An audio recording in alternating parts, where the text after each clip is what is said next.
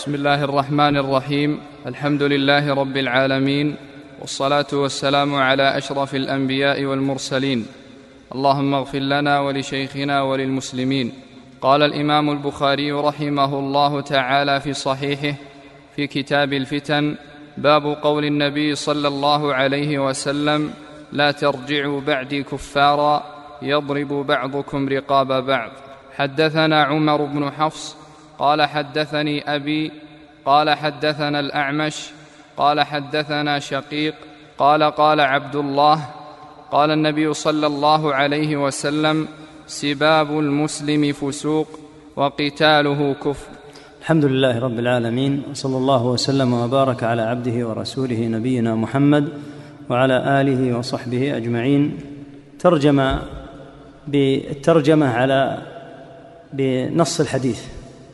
تراجم البخاري رحمه الله تعالى أنواع.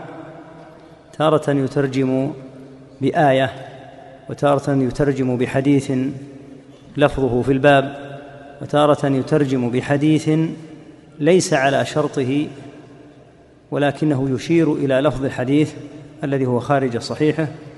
فهذا من أنواع التراجم أن يترجم على حديث وارد في الباب وهو قول النبي صلى الله عليه وسلم لا ترجعوا بعدي كفارا يضرب بعضكم رقاب بعض.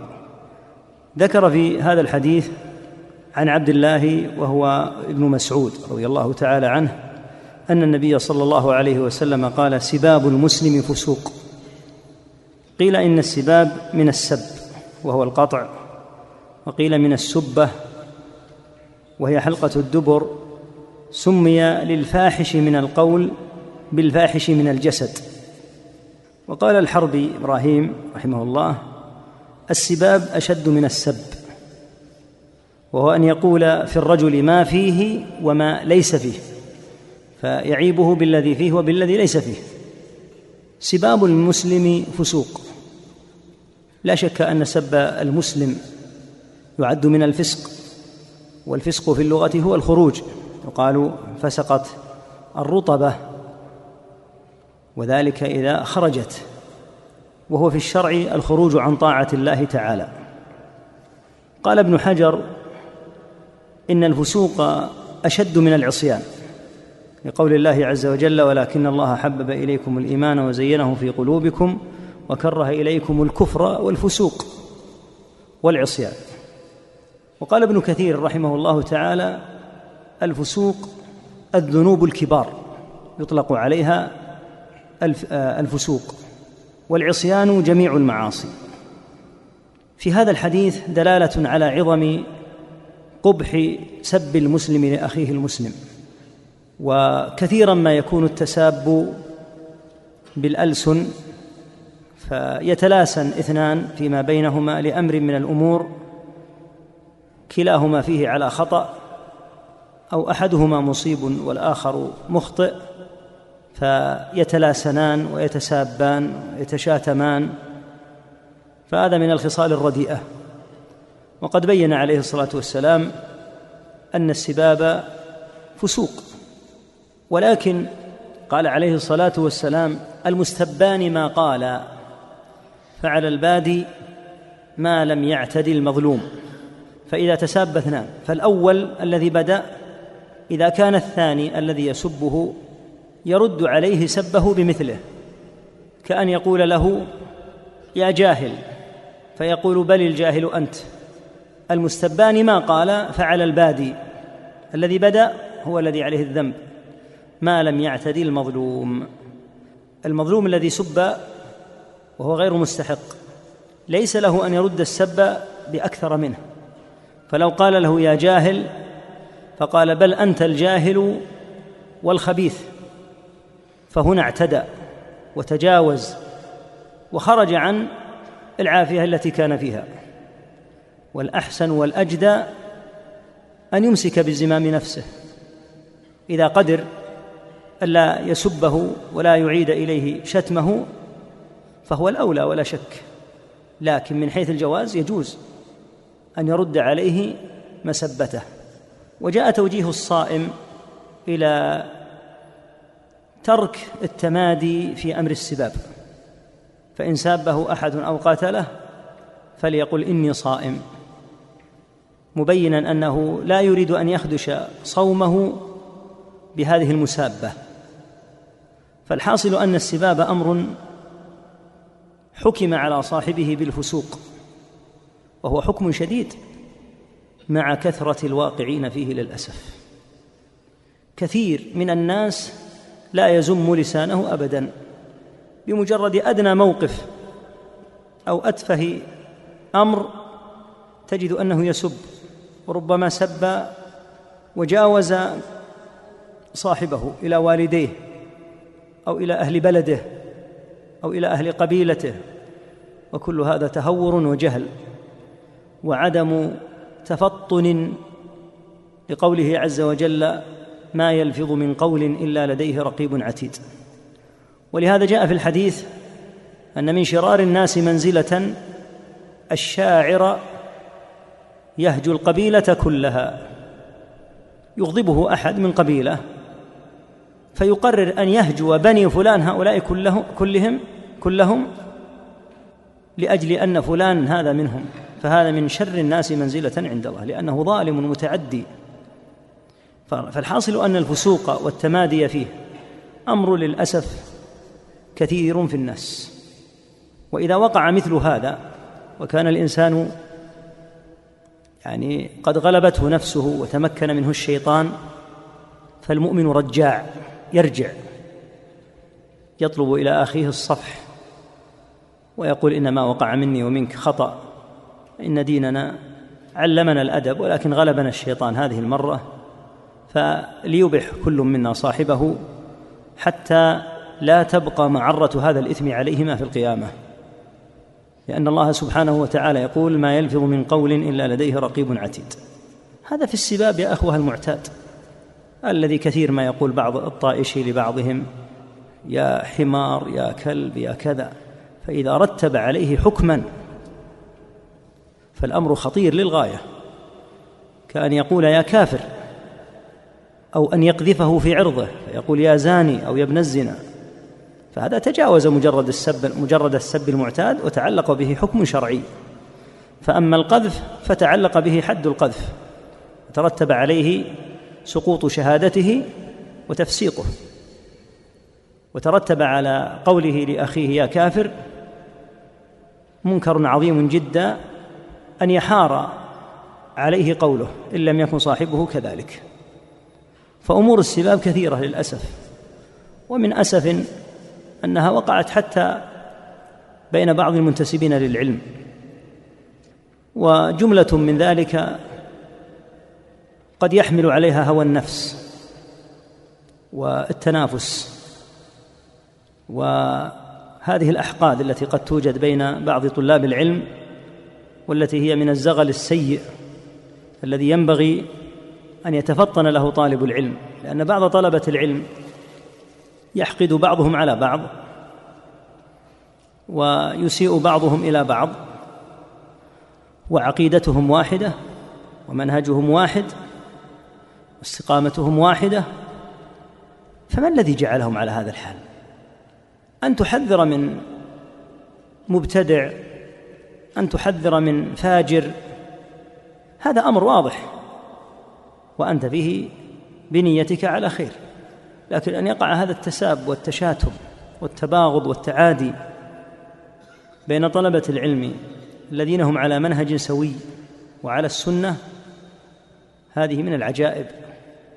ولا شك أن للشيطان فيها نصيبا وأن طالب العلم لا ينبغي أن ينساق مع هوى نفسه.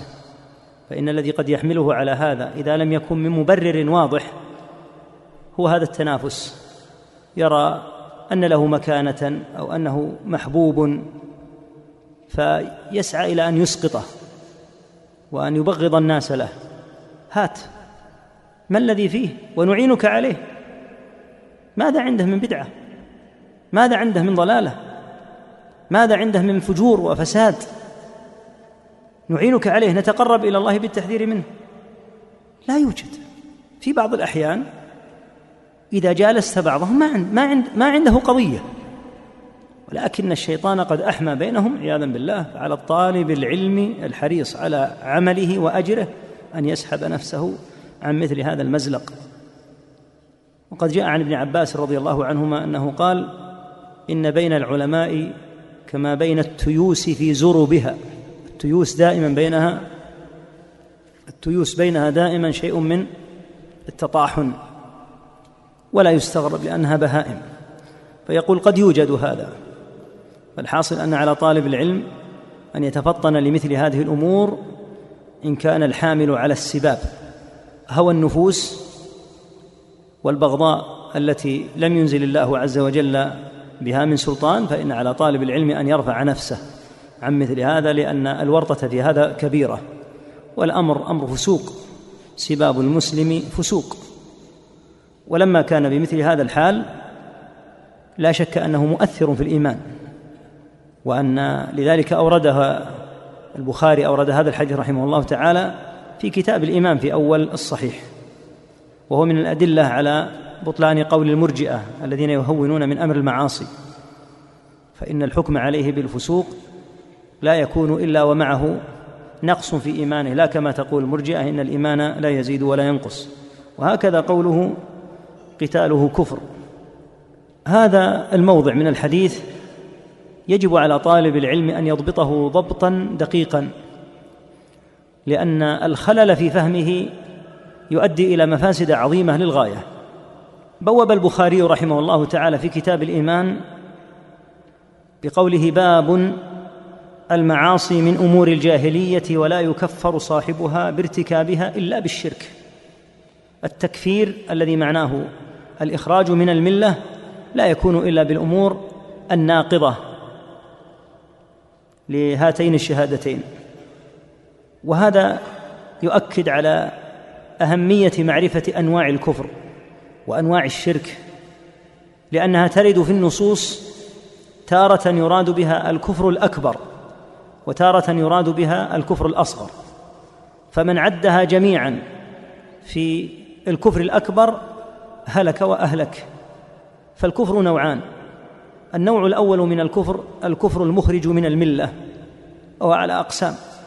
وإذا قيل إنه مخرج من الملة فمعنى ذلك أن صاحبه يرتد ويترتب على القول بتكفيره جميع ما يترتب على الرجل إذا ارتد من أحكام. النوع الثاني كفر ليس بأكبر ولكن أطلق عليه في النصوص. الكفر لفداحة الذنب الذنب الذي يطلق عليه اسم الكفر لا شك أنه ذنب كبير. ومنه قوله صلى الله عليه وسلم هنا وقتاله كفر كما سيأتي إن شاء الله تعالى. ومن ذلك التقسيم تقسيم الشرك فإن الشرك نوعان أيضا شرك أكبر ناقل عن الملة وشرك أصغر. ولما خفي هذا على بعض الفقهاء كما نبه الماوردي وكان الإمام الشافعي رحمه الله تعالى يقول إن تأخر الإمام ليدرك المأموم الركعة شرك بالله. قال شرك. ظن بعضهم أن المراد أن ذلك يراد به الشرك الأكبر. فأخذ من ذلك أن الإمام إذا انتظر المأموم فإنه يكفر يشرك الشرك الذي ينقل عن الملة. ما السبب في هذا؟ السبب أنه لم يدري أن الشرك يطلق باعتبارين أو أنه خلط في هذا الباب. لا شك أن الشرك نوعان. وبخصوص هذه المسألة هل ينتظر الإمام المأموم أو لا ينتظره؟ هذه من المسائل لا شك الخلافية. وأن الأمر إن شاء الله تعالى فيها لا يصل إلى حد الشرك. وإنما الأمر فيها هل ينتظره على سبيل الاستحباب ولا يفرق بين المأمومين؟ لأنه قد يسمع مثلا صوت شخص فينتظره لمكانته ووجاهته أو لقرابته ولا ينتظر غيره. هذا لا يحل هذا هذا من المحاباة في الصلاة. فمن أهل العلم من يقول إنه يستحب له ذلك ليدرك المأموم الركعة. ومنهم من يقول لا ينتظر احدا وهو مراد الشافعي رحمه الله تعالى حين قال وليرد بصلاته الله عز وجل. يعني لا ينتظر أحدا ويصلي لا شأن له في انتظار الناس. هذه مسألة خلافية لكن الذي ساق إليها الجهل بأقسام الشرك. فالجهل بأقسام الشرك يجعل المرأة يلحق بصور الردة ما ليس منها. وهكذا النفاق. النفاق ذكر في القرآن صفات لعدد من المنافقين وذكرهم الله تعالى وكثيرا ما يراد بهم أهل النفاق الأكبر كعبد الله بن أبي وجماعته. وأطلق النفاق أيضا في أكثر من نص على ما لا يشك في أنه غير ناقل عن الملة وهو نفاق أصغر. إذا حدث كذب وإذا وعد أخلف وإذا أؤتمن خان هذا لا شك أنه نفاق أصغر. وليس معنى أن يوصف بالنفاق لخصلة من الخصال أن يكون منافقا نفاقا أكبر فالكذب في الحديث من خصال المنافقين. فيكون فيه خصلة كما قال عليه الصلاة والسلام خصلة من النفاق. وهكذا قوله عليه الصلاة والسلام في أبي ذر إنك امرؤ فيك جاهلية. ليس معناها أن أبا ذر من أهل الجاهلية كأبي جهل وغيره ولكن فيه هذه الخصلة. فالحاصل أن طالب العلم من المهم جدا أن يعي أنواع هذه التقسيمات لأنه إذا ألحق بالنوع الأكبر منها ما ليس منها جعل بعض الأعمال من الكفر ومن ذلك الفسق. فالفسق المذكور في هذا الحديث لا شك أنه الفسق الذي يقع فيه عصاة الموحدين ولكن قد يطلق الفسق على الكفر الأكبر لأن الفسق نوعان أيضا فسق أكبر وفسق أصغر ومنه فسق إبليس. قال الله عز وجل ففسق عن أمر ربه. فسق إبليس ليس ليس فسقا أصغر. هو أعظم أعظم الخلق كفرا. ومع ذلك سمى الله عز وجل خروجه عن الطاعة فسقا لأنه فسق أكبر. اذا فالفسق والظلم والكفر والنفاق والشرك تنقسم إلى هذه الأقسام. منها ما هو أصغر يمكن أن يقع فيه الموحد. ومنها ما هو أكبر يقع فيه لا يقع فيه إلا الذي انتقل عن الملة. فلو قال قائل إن قول النبي صلى الله عليه وسلم قتاله كفر يدل على أنه مرتد لقلنا لما قال لأن النبي صلى الله عليه وسلم أطلق عليه الكفر. نقول قد يطلق الفسق على الكفر. كما في قوله تعالى عن إبليس ففسق عن أمر ربه. وقد يطلق الظلم على الكفر. كقوله تعالى والكافرون هم الظالمون. ومع ذلك يطلق الظلم قطعا على الموحدين الذين يدخلون الجنة. قال الله تعالى ثم أورثنا الكتاب الذين اصطفينا من عبادنا فمنهم ظالم لنفسه ومنهم مقتصد ومنهم سابق بالخيرات بإذن الله. ذلك هو الفضل الكبير جنات عدن يدخلونها كلهم يعني الثلاثة أقسام الظالم والمقتصد والسابق. لكن الظالم قد يدخل بعد أن يعذب في النار على قدر مظلمته. لكن سمي بالظالم ويدخل الجنة. إذا فهذه التقاسيم من المهم أن يعرفها طالب العلم. لأنه إذا لم يعرفها قال اذا القتال نوع من أنواع الكفر. فمن وقع في القتال فإنه كافر. ولا شك أن هذا غير مراد في الحديث. ما المراد بقوله صلى الله عليه وسلم قتال وقتاله كفر؟ لا شك أن الكفر كما قلنا نوعان وأن القتال الذي يقع بين المسلمين أنه من الكفر الأصغر والأدلة على هذا كثيرة. سقنا بعضها ونعيد بعضا منها في هذا الموطن الآن. منها قوله تعالى وإن طائفتان من المؤمنين اقتتلوا فأصلحوا بينهما. فاجتمع وصفهم بالإيمان مع وقوع الاقتتال منهم فدل على أن الاقتتال لم يزل عنهم اسم الإيمان. ثم قال إنما المؤمنون إخوة فأصلحوا بين أخويكم. هذا إذا وقع قتال وإن طائفتان من المؤمنين اقتتلوا وقع منهم اقتتال كما في قوله وقتاله كفر. وهكذا قوله تعالى في القاتل المتعدي الذي يمكن أن يعفى عنه. فمن عفي له من أخيه شيء فاتباع بالمعروف. هذا في قتل العمد ليس في قتل الخطأ. لأن قتل الخطأ لا يمكن أن يقتل أحد به. يعني لو أن إنسانا قتل إنسانا على سبيل الخطأ فلا يقال لا يرضينا إلا أن يقتل. حتى لو قتل ألفا يعني لو كان قائد قطار مثلا فنعس وتسبب نومه في مقتل ألف. من ركاب القطار ونجا هو. لا يقتل لو قتل ألفا أو أكثر لأن قتله خطأ. فلا يمكن أن يكون الكلام إلا في العفو عنه من جهة الدية. فمن جهة العمد أصحاب العمد كما هو معلوم يخير ورثة الدم بين قتل القاتل وبين العفو إلى دية. العفو نوعان عفو إلى دية لأنهم عفوا عن قتله وعفو إلى غير دية. فيصفحون عنه مطلقا.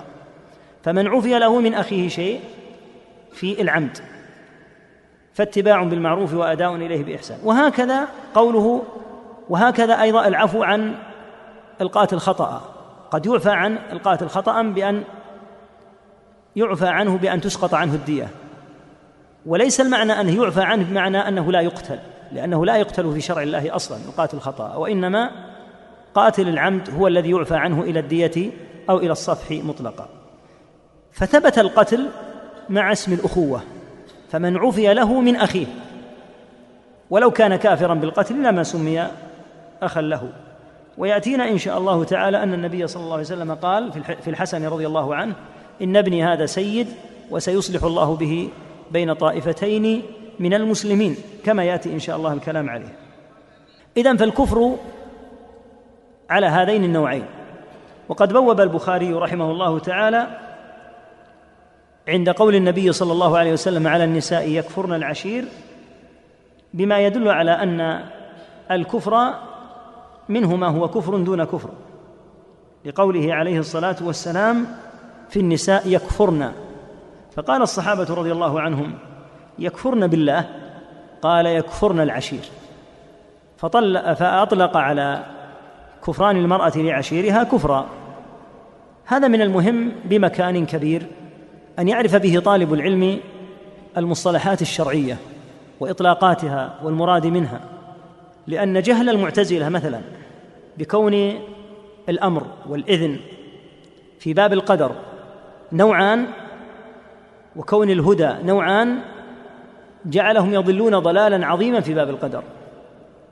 ولو علموا أنهما قسمان الإرادة والإذن ونحو والجاعل ونحوها مما ذكر الله عز وجل هذه نوعان.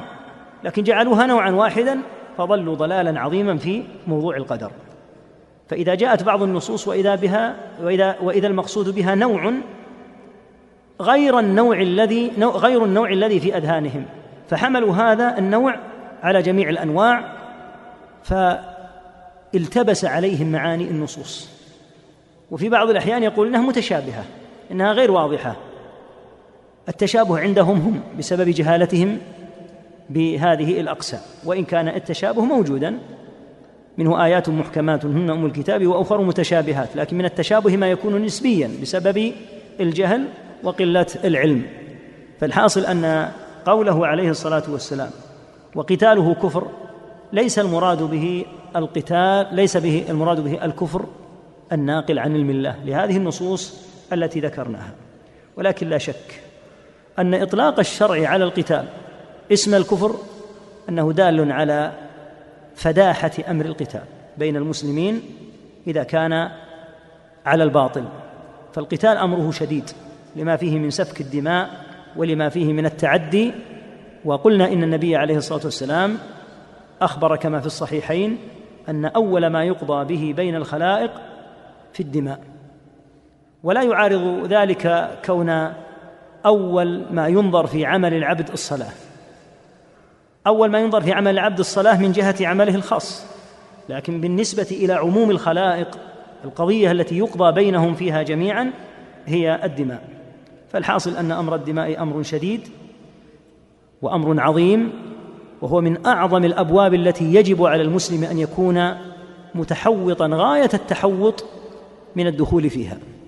نظرا لما فيها من الجرم والإثم العظيم كما قال ابن عمر رضي الله عنهما إن من ورطات الأمور التي لا مخرج لمن دخل فيها أن يقتل نفسا بغير حق. وقد قال عليه الصلاة والسلام أيضا لا يزال المرء في فسحة من دينه حتى يصيب دما حراما. في بعض الروايات فإذا أصاب الدم الحرام نزع منه الحياء. فأمر القتال هذا الذي يتساهل فيه كثير من الناس من أسرع ما يكون عنده الركض إلى السلاح وإزهاق الأنفس هذا من أعظم الأمور عند الله بمكان كما قلنا ولهذا أطلق الشرع عليه هذا الإطلاق إطلاق الكفر. ولما كان القتال أشد من السباب لاحظ لفظ الحديث سباب المسلم فسوق وقتاله كفر. أطلق عليه الكفر لأن القتال أشد من السباب. ولكن كما فصلنا لا يعني ذلك بلا شك الكفر الأكبر ولكن يدل على فداحة الجرم. وقلنا إن أهل العلم يقولون إن أعظم الذنوب بعد الشرك بالله أن تقتل النفوس بغير حق وعلى هذا يكون أعظم ذنب للموحد. أن يقتل نفسا بغير حق فإن الأمر في هذا عظيم للغاية. ورد في سبب هذا الحديث أن النبي عليه الصلاة والسلام انتهى إلى مجلس فيه من مجالس الأنصار وفي المجلس رجل يعرف بالبذاءة بالبذاء ومشاتمة الناس. مشهور بهذا مثل ما يقع من بعض الناس نسأل الله العافية والسلامة معروف ببذاءة لسانه وتسلطه. فلما قال النبي صلى الله عليه وسلم سباب المسلم فسوق وقتاله كفر. قال الأنصاري رضي الله عنه والله لا أساب رجلا. يعني بعد اليوم بعد هذا الحديث وهذا من الفروق العظيمة جدا بين السلف وبين من بعدهم. السلف رضي الله عنهم إذا وصلتهم النصوص سلموا وانتهوا من المنازعات. كثير من من لم يوفق ممن يأتي بعدهم تتلى عليهم أنواع النصوص. فلا تؤثر ولا تحرك فيهم ساكنا. أما أولئك الأخيار رضي الله عنهم قد يوجد في بعض الناس شيء من البذاءه أو التسلط لكن مزيتهم أنهم إذا أتتهم هذه النصوص زكتهم وطهرتهم. وهذا هو الذي بعث له رسول الله صلى الله عليه وسلم والذي بعث في الأميين رسولا منهم يتلو عليهم آياته. ثم ذكر تعالى المعاني العظيمة التي لأجلها بعث رسول الله صلى الله عليه وسلم. يزكيهم ويعلمهم الكتاب والحكمة وإن كانوا من قبل لفي ضلال مبين.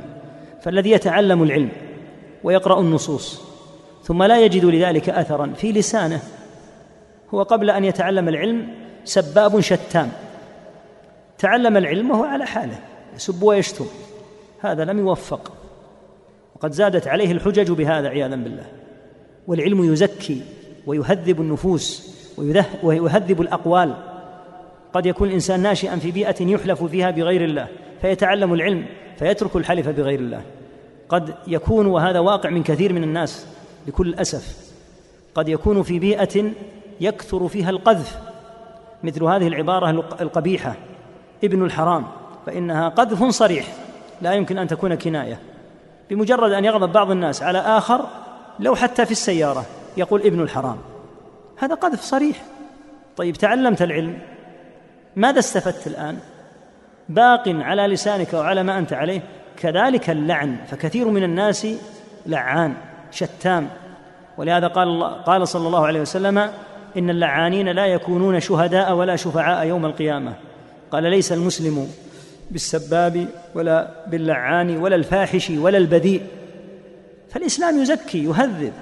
ومن أعظم ما هنالك نعمة العلم. لأن بعض المسلمين قد يجهل لكن أن تتعلم العلم ولسانك هو هو ألفاظك هي هي الوقاحة وقلة الأدب هي هي معناه أنك جمعت على نفسك حججا ولم تستفيد من هذا العلم. حاصل الأمر أن السباب وأن القتال كليهما أمران عظيمان وأمران شديدان فسباب المسلم لأخيه المسلم على هذا الحد من الفسوق وهو الذنوب العظام. وما جاوز ذلك من القتال وإزهاق الأنفس أو خدش أخيه المسلم أو كسر يده أو رجله أو ضربه أو غيره كل هذا داخل في حد قوله وقتاله كفر. وهذا كله يستدعي المسلم إلى تهذيب لسانه وتهذيب يده. المسلم من سلم المسلمون من لسانه ويده الأذية تأتي من هذين إما من اللسان أو من اليد. فإذا هذب الإنسان ألفاظه وكف يده عما لا ينبغي فهو من أعظم الناس إسلاما ومن أعظمهم إيمانا. فالحاصل أنه أورد رحمه الله تعالى هذا الباب. في كتاب الفتن لأن الفتن من العادة يكون معها سباب يكون معها قتال. فناسب أن يذكر هذا الباب فيها نظرا لكثرة ما في الفتن بين الواقعين فيها من السب والشتم. وأيضا ما يترتب عليها من القتال ونحوه فالباب مناسب للكتاب رحم الله من صنفه. نعم.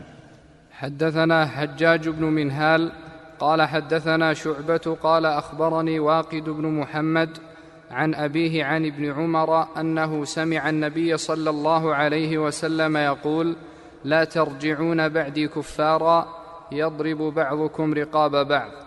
نعم. هذا من أيضا الحديث الحديث هذا الآن يتضح بشرح الحديث السابق. لا ترجعوا بعدي كفارا.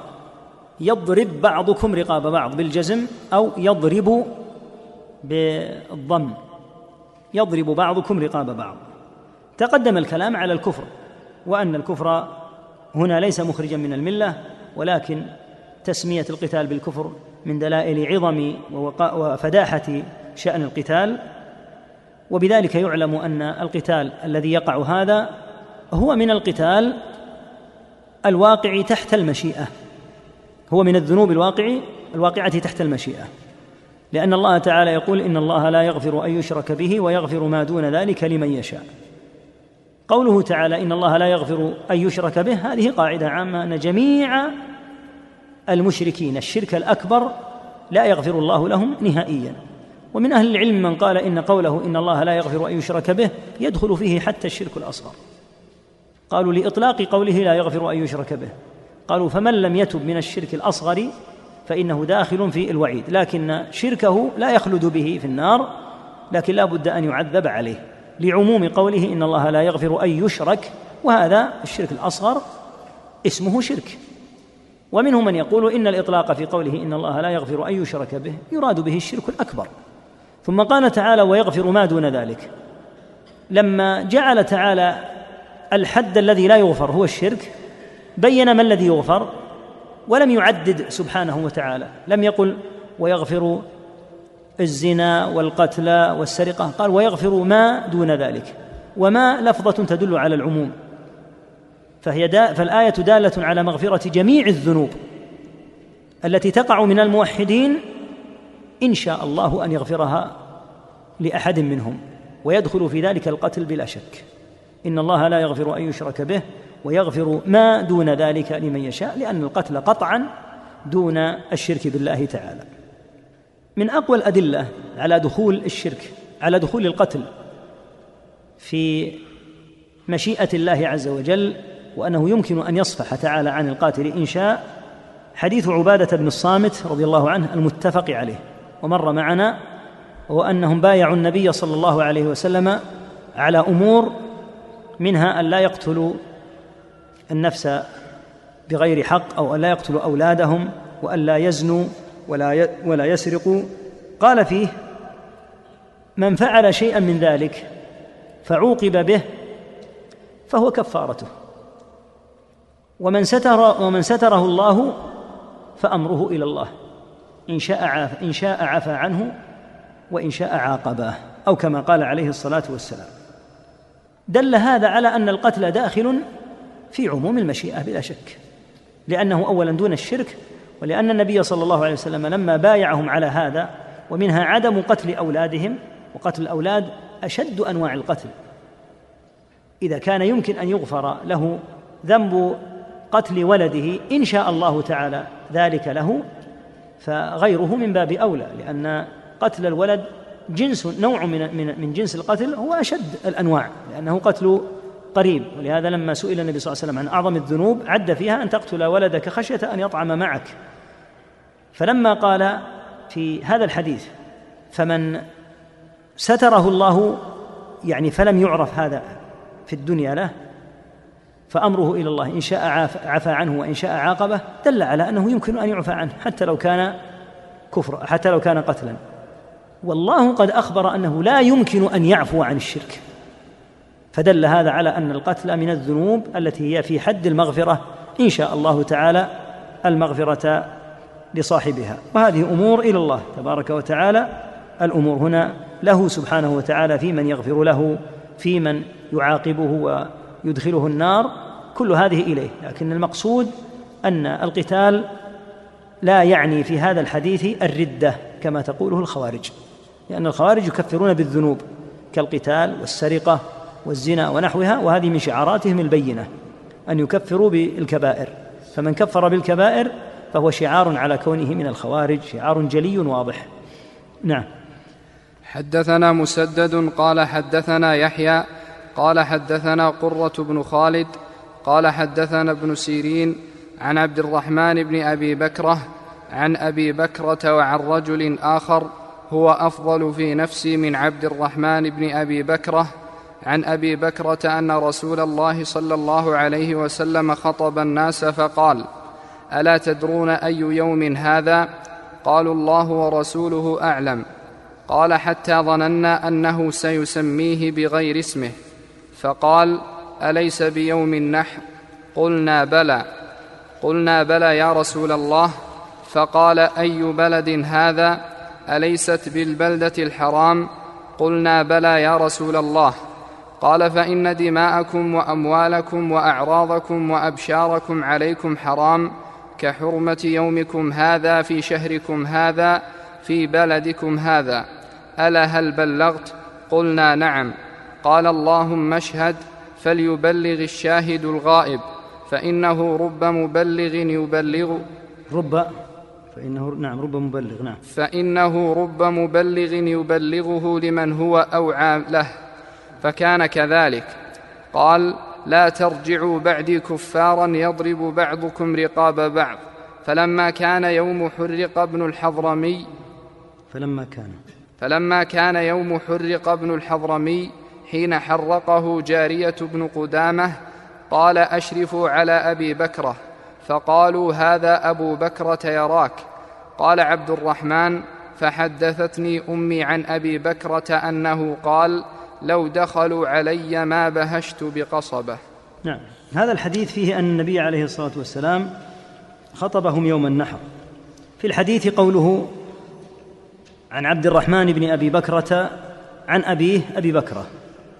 قال الراوي وعن رجل آخر هو أفضل في نفسي من عبد الرحمن ابن أبي بكرة مراده حميد ابن عبد الرحمن الحميري رحم الله الجميع يعني أنه يرويه عن اثنين عن أبي بكرة عن ابن أبي بكرة عن أبيه وعن حميد بن عبد الرحمن عن أبي بكرة. فيه أن النبي عليه الصلاة والسلام خطب الناس. في ذلك اليوم قال ألا تدرون أي يوم هذا؟ من أدب الصحابة أنهم ما بادروا وقالوا هو يوم النحر. لما؟ لأن النبي صلى الله عليه وسلم في فترة الوحي قد يغير الاسم. قالوا الله ورسوله أعلم حتى ظننا أنه سيسميه بغير اسمه. فدل على أن الشرع إذا غير اسما من الأسماء فلا ينبغي أن يستمسك بالاسم القديم بل يستمسك بالاسم الشرعي. وقد غير النبي صلى الله عليه وسلم أسماء أماكن وأسماء أشخاص عليه الصلاة والسلام. ومن أكثر من غير أسماء من عبدوا لغير الله كعبد الرحمن بن عوف رضي الله عنه كان اسمه في الجاهلية عبد عمرو. وهكذا أبو هريرة رضي الله عنه عبد الرحمن بن صخر الدوسي. أيضا كان معبدا لغير الله فكان يغير صلى الله عليه وسلم أسماء وقد يسمي بعض المواضع باسم غير الاسم السيء الذي يدل عليها وهو مشروع أن تغير هذه الأسماء وبعضها واجب وجوبا فلو أن انسانا نصرانيا كان يسمى بعبد المسيح فأسلم للزم أن يغير لا يجوز أن يبقى معبدا للمسيح لأنه عبد للمسيح حين كان نصرانيا. فلما من الله عليه بالإسلام وجب عليه أن يغير هذا التعبيد. فالحاصل أن الصحابة رضي الله عنهم توقفوا. قالوا يمكن أن يغير هذا اليوم إلى يوم آخر. قال أليس بيوم النحر؟ قلنا بلى يا رسول الله. قال أي بلد هذا؟ أيضا في بعض الروايات أنهم قالوا الله ورسوله أعلم. يمكن أن يغير اسم مكة. قال أليست بالبلدة؟ معروفة البلدة الحرام يعني مكة. وبها فسر قوله تعالى عند بعض أهل العلم لا أقسم بهذا البلد وأنت حل بهذا البلد. أليست بالبلدة الحرام؟ قلنا بلى. في هذه في هذا الموضع من مناقشته صلى الله عليه وسلم أو سؤاله لهم دلالة على وجوب الاستمساك بالأسماء الإسلامية. ومن غربة الدين العظيمة الآن أن تجد التباهي والتنافس في التسميات الأجنبية. ويراها بعض من لم يوفق للرشاد يراها نوعا من التقدم. وقد كان عمر رضي الله عنه ينهى الأعاجم من غير المسلمين أن يتكلموا العربية. ينهى الأعاجم من الكفار أن يتكلموا العربية ليتميزوا عن المسلمين. فانعكس الحال الآن. بأن صار بعض المسلمين يتكلم باللغات الأعجمية بين إخوانه لا يكلم أعاجم بلغتهم ولكن يتكلم كأنه يرى أن في هذا نوعا من الرفعة ونوعا من ما يجلب أنظار الناس إليه. كأن تعلم هذه اللغات شيء من الإعجاز. ليس بالأمر العسير تعلمها والعاقل ممن يتعلمها ويتقنها يعي جيدا متى يتكلم بها. أما أن يتكلم بها في أوساط المسلمين ويدخل في أثناء كلامه وحديثه مع نفر من المسلمين العرب أو الذين يجيدون العربية يدخل هذه الكلمات الأجنبية غرضه أن يلفت المسكين يظن أنه بهذا صاحب تميز ولا يدري أن هذا من الأمور الدالة على قلة عقله لأنك حين تحدث اناسا يحسنون لغة واحدة وتدخل الفاظا. لا يعرف هؤلاء السامعون معناها. هذا دال على قلة عقلك.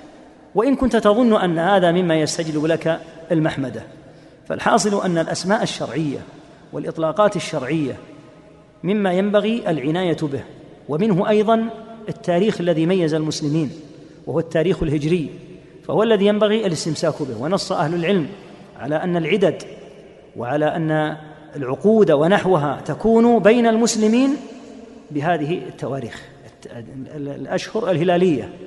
وربط بها في الشرع جملة عظيمة من العبادات. ربط بها صوم رمضان ربط بها الحج ربط بها أيضا أمور الزكاة. متى تجب الزكاة؟ تجب عليك الزكاة في التاريخ الهجري قبل التاريخ الميلادي لأن فيه زيادة أيام. فيلزمك أن تزكي إذا مر عليك سنة من العام الهجري وهكذا العدد عدة المطلقة عدة المتوفى عنها زوجها وهكذا الكفارات ككفارة الظهار ومن قتل نفسا خطأ تكون بالأشهر الهلالية فيصوم شهرين متتابعين. فلو صام بالتاريخ الميلادي وفي بعض الأشهر الميلادية ثمانية وعشرون يوما فقط ثم صام في الشهر الذي يليه ثلاثين يوما فإنه يلزمه أن يعيد من جديد شرعا. من قوله تبارك وتعالى في الشهرين وبيانه تعالى لا بد من أن يكون الشهران متواليان. فليس المقصود بالأشهر هنا الأشهر الأجنبية هذه وإنما الأشهر الهلالية الهجرية. يسألونك عن الأهلة قل هي مواقيت للناس والحج. فهذا فيما يتعلق بمثل التاريخ وهكذا فيما يتعلق بمثل الألفاظ. فكل هذا يؤكد على أهل الإسلام أن يتميزوا. وقلنا إن عمر رضي الله عنه ألزم الكفار أن لا يتكلموا العربية من الأعاجم إذا كانوا كفارا. أما إذا كانوا مسلمين فيتكلمونها لأنهم ينبغي أن يتميزوا ولهذا كانوا يشدون الزنار.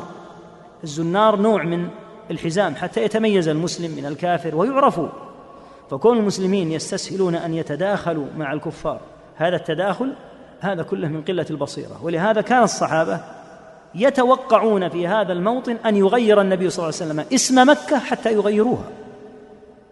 أليست البلدة الحرام؟ قلنا بلى. قال حتى ظننا أنه سيسميها بغير اسمها. فلو سماها بغير اسمها لسموها بالاسم الشرعي الجديد. فالحاصل أن هذا الموطن يبين مدى ما كان عليه الصحابة رضي الله تعالى عنهم من الاتباع. إنما سألهم النبي صلى الله عليه وسلم عن هذا اليوم وعن هذه البلدة لا ليغيرها ولكن ليبني عليها الكلام الآتي. فمن المعلوم أن ذلك اليوم يوم حرام وأن مكة حرمتها لا إشكال فيها عند أهل الإسلام فلما قررهم هذا بنى عليه بقية الحديث. فإن دماءكم وأموالكم وأعراضكم وأبشاركم عليكم حرام. وهذا كما قال عليه الصلاة والسلام كل المسلم على المسلم حرام. أخوك هذا حرام عليك كل شيء فيه أن تناله. ماله دمه عرضه حتى بشرته. وتقدم الحديث أن سبه فسق لأن الإسلام بنى أهله على هذه الأخوة. إنما المؤمنون إخوة. فهذه الأخوة أعظم أعظم أنواع الأخوة أعظم من أخوة النسب. فالحاصل أن هذا الأمر أمر عظيم بين أهل الإسلام. وعلى الدعاة إلى الله عز وجل أن ينشروا مثل هذه الأحاديث في الناس. فإن في كثير من الجهال طيشا وتعجلا في هذه الأمور الأربعة التي بين صلى الله عليه وسلم. فإن دماءكم واضح. الدماء لا يجوز أن تخرج من أخيك المسلم محجمة دم فضلا عن أن تقطع رقبته حتى تزهق نفسه. لا يجوز أن تضربه مثلا بخشبة أو بقلم معك له حد حتى تخدشه في يده. لا يحل هذا نهائيا لأن دمه كله عليك حرام إلا إذا استوجب حكما شرعيا. يوجب سفك دمه.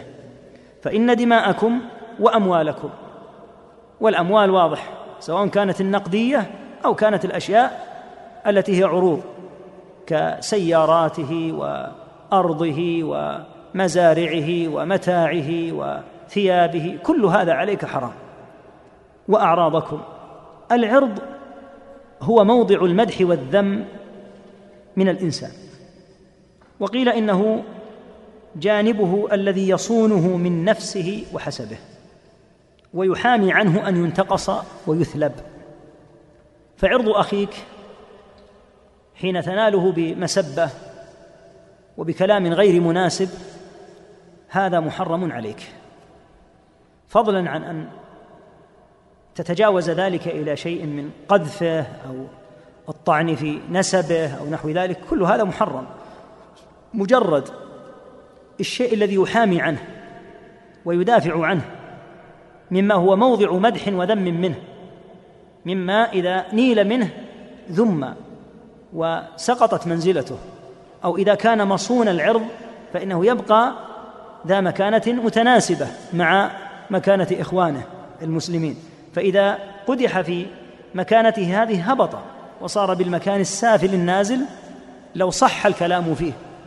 فإذا لم يصح الكلام فيه وأردت أن تنزله فهذا موضع العرض الذي تكلمت فيه. فإن دماءكم وأموالكم وأعراضكم قال وأبشاركم.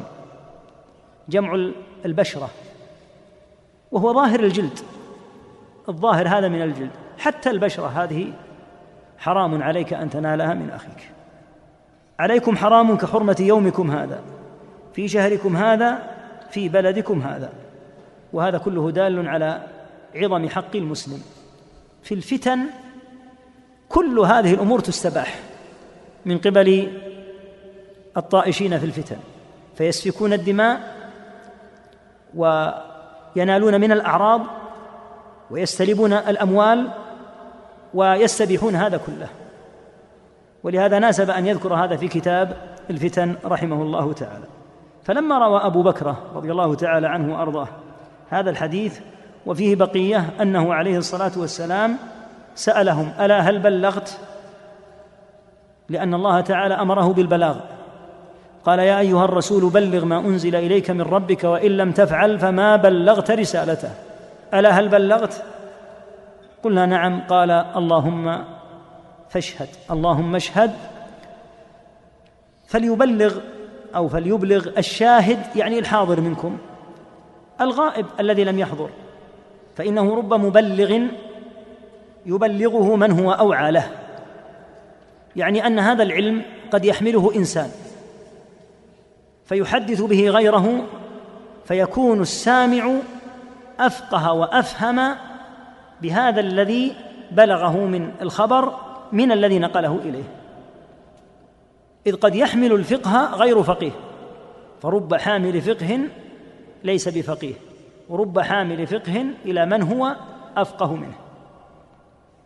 بعد أن بين عليه الصلاة والسلام هذا جاءت هذه العبارة فكان كذلك. هذه العبارة مدرجة من كلام محمد بن سيرين رحمه الله تعالى وليست في بقية كلام النبي صلى الله عليه وسلم. قال عاد الآن إلى الحديث لا ترجعوا بعدي كفارا يضرب بعضكم رقاب بعض. الذي حدث بهذا هو أبو بكر رحمه الله تعالى. فلما كان يوم حرق ابن الحضرمي ابن الحضرمي هذا اسمه عبد الله بن عمرو. ابن الحضرمي وجده هو وعمه هو العلاء بن الحضرمي الصحابي الجليل المشهور رضي الله عنه. من الذي حرقه؟ حرقه رجل يدعى جارية ابن قدامة في فتنة من الفتن. طلب جارية هذا ابن الحضرمي فتحصن ببيت هو وعدد ممن معه فأحرق عليهم جارية الدار. وأهلكهم في الدار. فسمي جارية هذا محرقة يعني كأن المسألة اشتهرت بهذا. وكان ذلك في البصرة. لما وقع هذا الأمر العظيم قال جارية بن قدامة أشرفوا على أبي بكرة. يعني اطلعوا عليه وكان في حقل من حقوله. يقول انظروا ماذا يمكن أن يفعل. هل يمكن أن يقاومه هو أيضا؟ أو أنه لن يدخل في الأمر لأن أبا بكر رضي الله عنه من الصحابة الأجلاء وكأنه خاف أن يتحرك فيتحرك معه بعض الناس ضده. فلما أشرفوا على أبي بكرة رضي الله عنه قالوا هذا أبو بكرة يراك. فأبو بكرة رضي الله تعالى عنه وأرضاه كان يختار الكف عن القتال بين المسلمين مطلقا. وعدم الدخول فيه. ولما خافوا منه أن يفعل شيئا لأجل ما فعلوه بابن الحضرمي أجابهم أبو بكر بهذا الجواب لو دخلوا علي يعني في بيتي ما بهشت بقصبه. يقول أبو بكر إنهم لو دخلوا إلى داخل بيتي في هذه الفتنة ما بهشت ما قمت بالدفاع حتى عن نفسي. يقال بهشت ويقال بهشت. ما دافعتهم ولا حتى بقصبة. وجمعها القصب. وهي من نبات ذي أنابيب. يعني أنه لن يقاتلهم بأدنى قتال فضلا عن أن يأخذ السيف.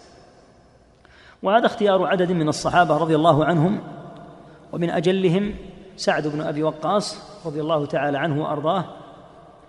ومنهم ابن عمر ومنهم أبو بكرة هنا ومنهم أهبان بن صيفي ومنهم محمد بن مسلمة.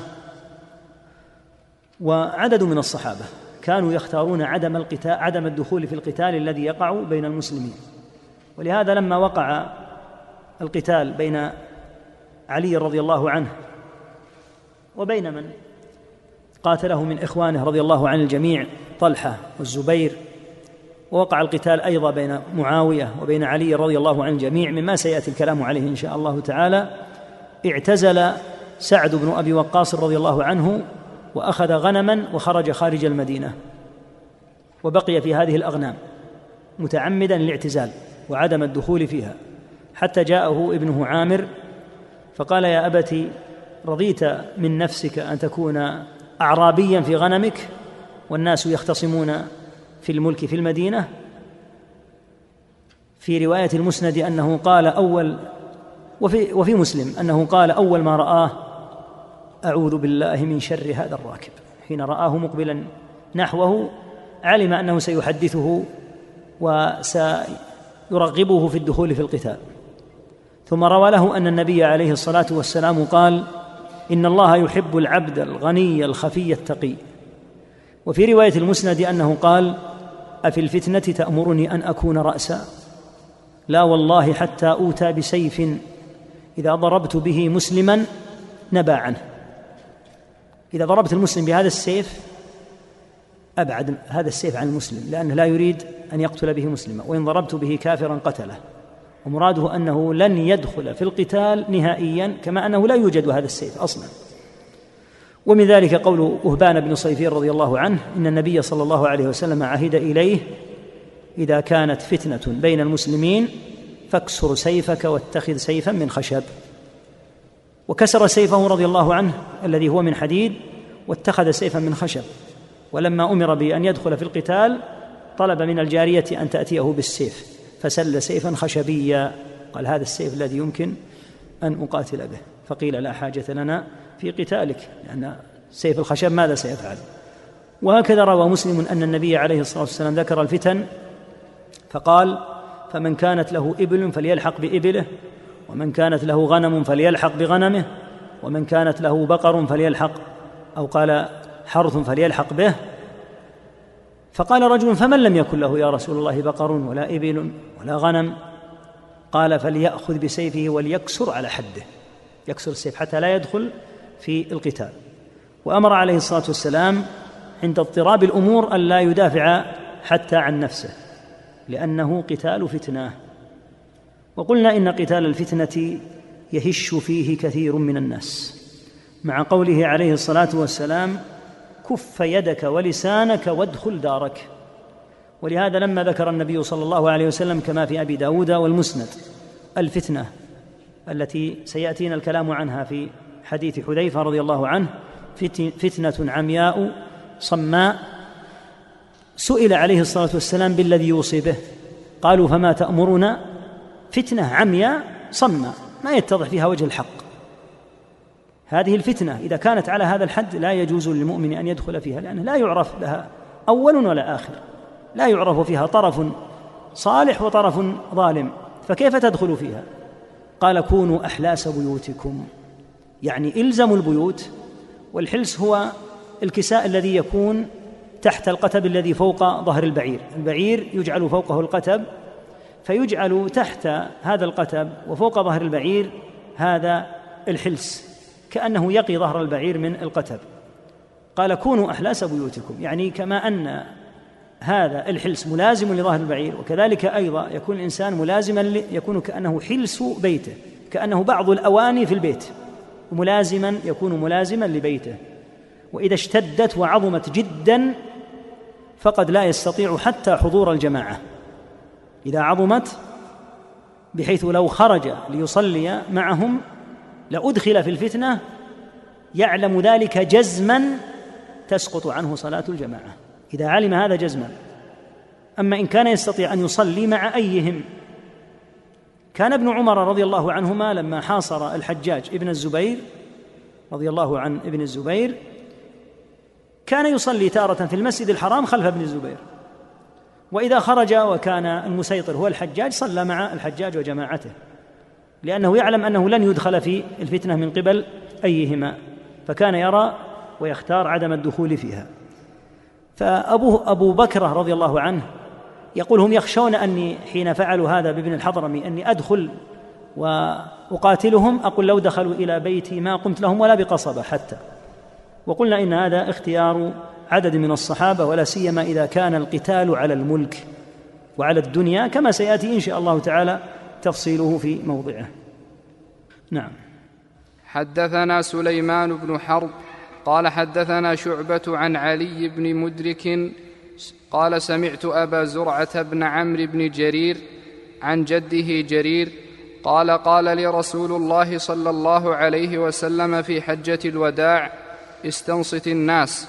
ثم قال لا ترجعوا بعدي كفارا يضرب بعضكم رقاب بعض. هذا هذه الحديث يوردها البخاري من عدة طرق. تارة تكون عائدة إلى صحابي واحد وتارة يريدها عن عدد من الصحابة رضي الله تعالى عنهم وأرضاهم. وفيها نفس العبارة لا ترجعوا لا ترجعوا بعدي كفارا أو لا ترتدوا بعدي كفارا يضرب بعضكم رقاب بعض. في قوله في حجة الوداع استنصت الناس معناها كما قال الشيخ بن باز رحمه الله أي مرهم أن ينصتوا. يعني اطلب من الناس أن ينصتوا لأن النبي صلى الله عليه وسلم سيتكلم وكان من آيات الله البالغة أن سمع الناس في منى خطبة النبي صلى الله عليه وسلم كلهم جاء في بعض الروايات أن آذان الناس فتحت حتى سمعوا خطبته عليه الصلاة والسلام فيكون هذا من دلائل نبوته صلوات الله وسلامه عليه لأن عدد الناس كان كبيرا جدا. في بعض ما يذكر أهل السير أن عدد من حضروا الخطبة مئة ألف أو أكثر من مئة ألف وهذه من آيات الله سبحانه وتعالى بحيث سمعوا الخطبة وقامت الحجة عليهم. بما أمر عليه الصلاة والسلام أن يبلغهم به ولهذا قال وأنتم تسألون عني فما أنتم قائلون؟ قالوا نشهد أنك قد بلغت وأديت ونصحت كما في مسلم. فقال عليه الصلاة والسلام اللهم هكذا بأصبعه نحو السماء يشير إلى الله اشهد ثلاث مرات اللهم اشهد اللهم يشير بأصبعه إلى السماء ثم ينكتها نحوهم اشهد. يعني اللهم اشهد عليهم أنه أنهم أقروا أني قد بلغتهم. نعم. باب تكون فتنة القاعد فيها خير من القائم. حدثنا محمد بن عبيد الله قال حدثنا إبراهيم بن سعد عن أبيه عن أبي سلمة بن عبد الرحمن عن أبي هريرة قال قال إبراهيم وحدثني صالح بن كيسان عن ابن شهاب عن سعيد بن المسيب عن أبي هريرة قال قال رسول الله صلى الله عليه وسلم ستكون فتن القاعد فيها خير من القائم والقائم فيها خير من الماشي والماشي فيها خير من الساعي. من تشرف لها تستشرف فمن وجد فيها ملجأ أو معاذا فليعذ به. هذا الباب قال فيه باب تكون فتنة في إخبار بأنه ستكون فتنة. القاعد فيها خير من القائم. أخذ جزءا من لفظ الحديث. يقول شيخنا الشيخ بن باز رحمة الله تعالى عليه هذا في الفتن التي لم يعرف لها وجه بخلاف الحروب التي لله في سبيل الله معروف وجهها ولذا اعتزل سعد وأبو بكرة وابن عمر الفتنة بخلاف التي لقتال الكفار والبغاة وقاتل مع علي رضي الله عنه كبار الصحابة والتابعين فلا يدخل قتالهم في حديث أبي بكرة الآتي إذا التقى المسلمان. هذا معنى كلامه رحمه الله تعالى لأن كنا نسجل خلفه رحمه الله بسرعة فنذكر معنى الكلام وفي بعض الأحيان نأتي به باللفظ لكن هذا غالبا يكون معنى الكلام أو أهم ما قال فيها رحمه الله تعالى. في هذا الحديث أن النبي عليه الصلاة والسلام ذكر هذه الفتنة التي ستكون وستقع وستحدث من باب ما أخبره الله عز وجل به من الغيوب. تكون ستكون فتن فتن القاعد فيها خير من القائم والقائم فيها خير من الماشي والماشي فيها خير من الساعي. في هذا الحديث بيان أن الناس في الاشتراك في الفتن أقسام وليسوا على حد واحد في الاشتراك. بعضهم في مباشرتها يكون أشد من بعض أشدهم الساعي. يسعى سعيا ثم الماشي ثم القائم ثم القاعد. في رواية مسلم النائم فيها خير من اليقظان واليقظان فيها خير من القائم. اذا بحسب شدة دخولهم في الفتنة يكون مقدار ذمهم فالباذل فيها أكثر مما يبذله غيره مذموم ثم الذي يليه ثم الذي يليه. أما قوله صلى الله عليه وسلم ستكون فتن القاعد فيها خير خير من القائم فليس المقصود الثناء فقوله هنا القاعد خير من القائم أي أقل شرا فمن كان جرمه أخف من جرم الذي يليه يقال هذا خير منه فالذي فوقه يكون أسوأ ولكن هو أيضا سيء لكنه خير منه. وهذا مثل ما يقال في ذنب واحد. الزاني بامرأة بامرأة ليست زوجة جاره.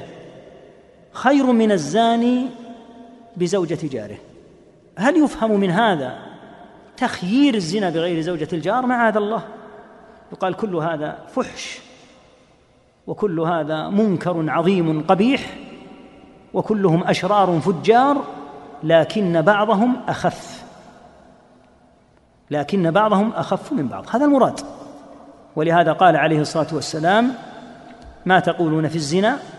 قالوا حرام حرمه الله ورسوله.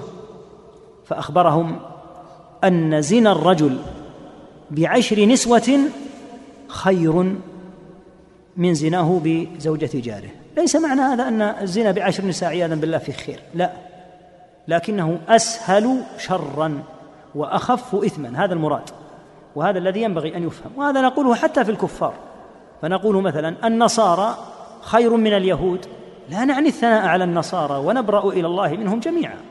لكن نقول النصارى أقل شر من اليهود.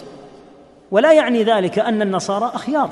لكن نقول كلهم أشرار كما في قوله تعالى أولئك هم شر البرية. كلهم أشرار كما نص الآية. لكن يقال بعضهم أخف في الشر. هذا الذي ينبغي أن يفهم من الحديث. في قوله تكون فتنة القائم فيها ستكون فتن القاعد فيها خير من القائم يعني بهذا الترتيب. كلما كان اشتراكه في الفتنة أقل كان أفضل من الذي بعده. هذا التفضيل ليس في الأجر لكن في قلة الشر وقلة الوزر بالنسبة إلى من بعده. وهذا قد يطلق في إطلاقات. حين نقول الشرك الأصغر. لا نعني أنه من صغائر الذنوب لا. لكن هو بالنسبة للكفر المخرج من الملة أصغر. وإلا فهو جنس جنس الشرك الأصغر أشد من الكبائر.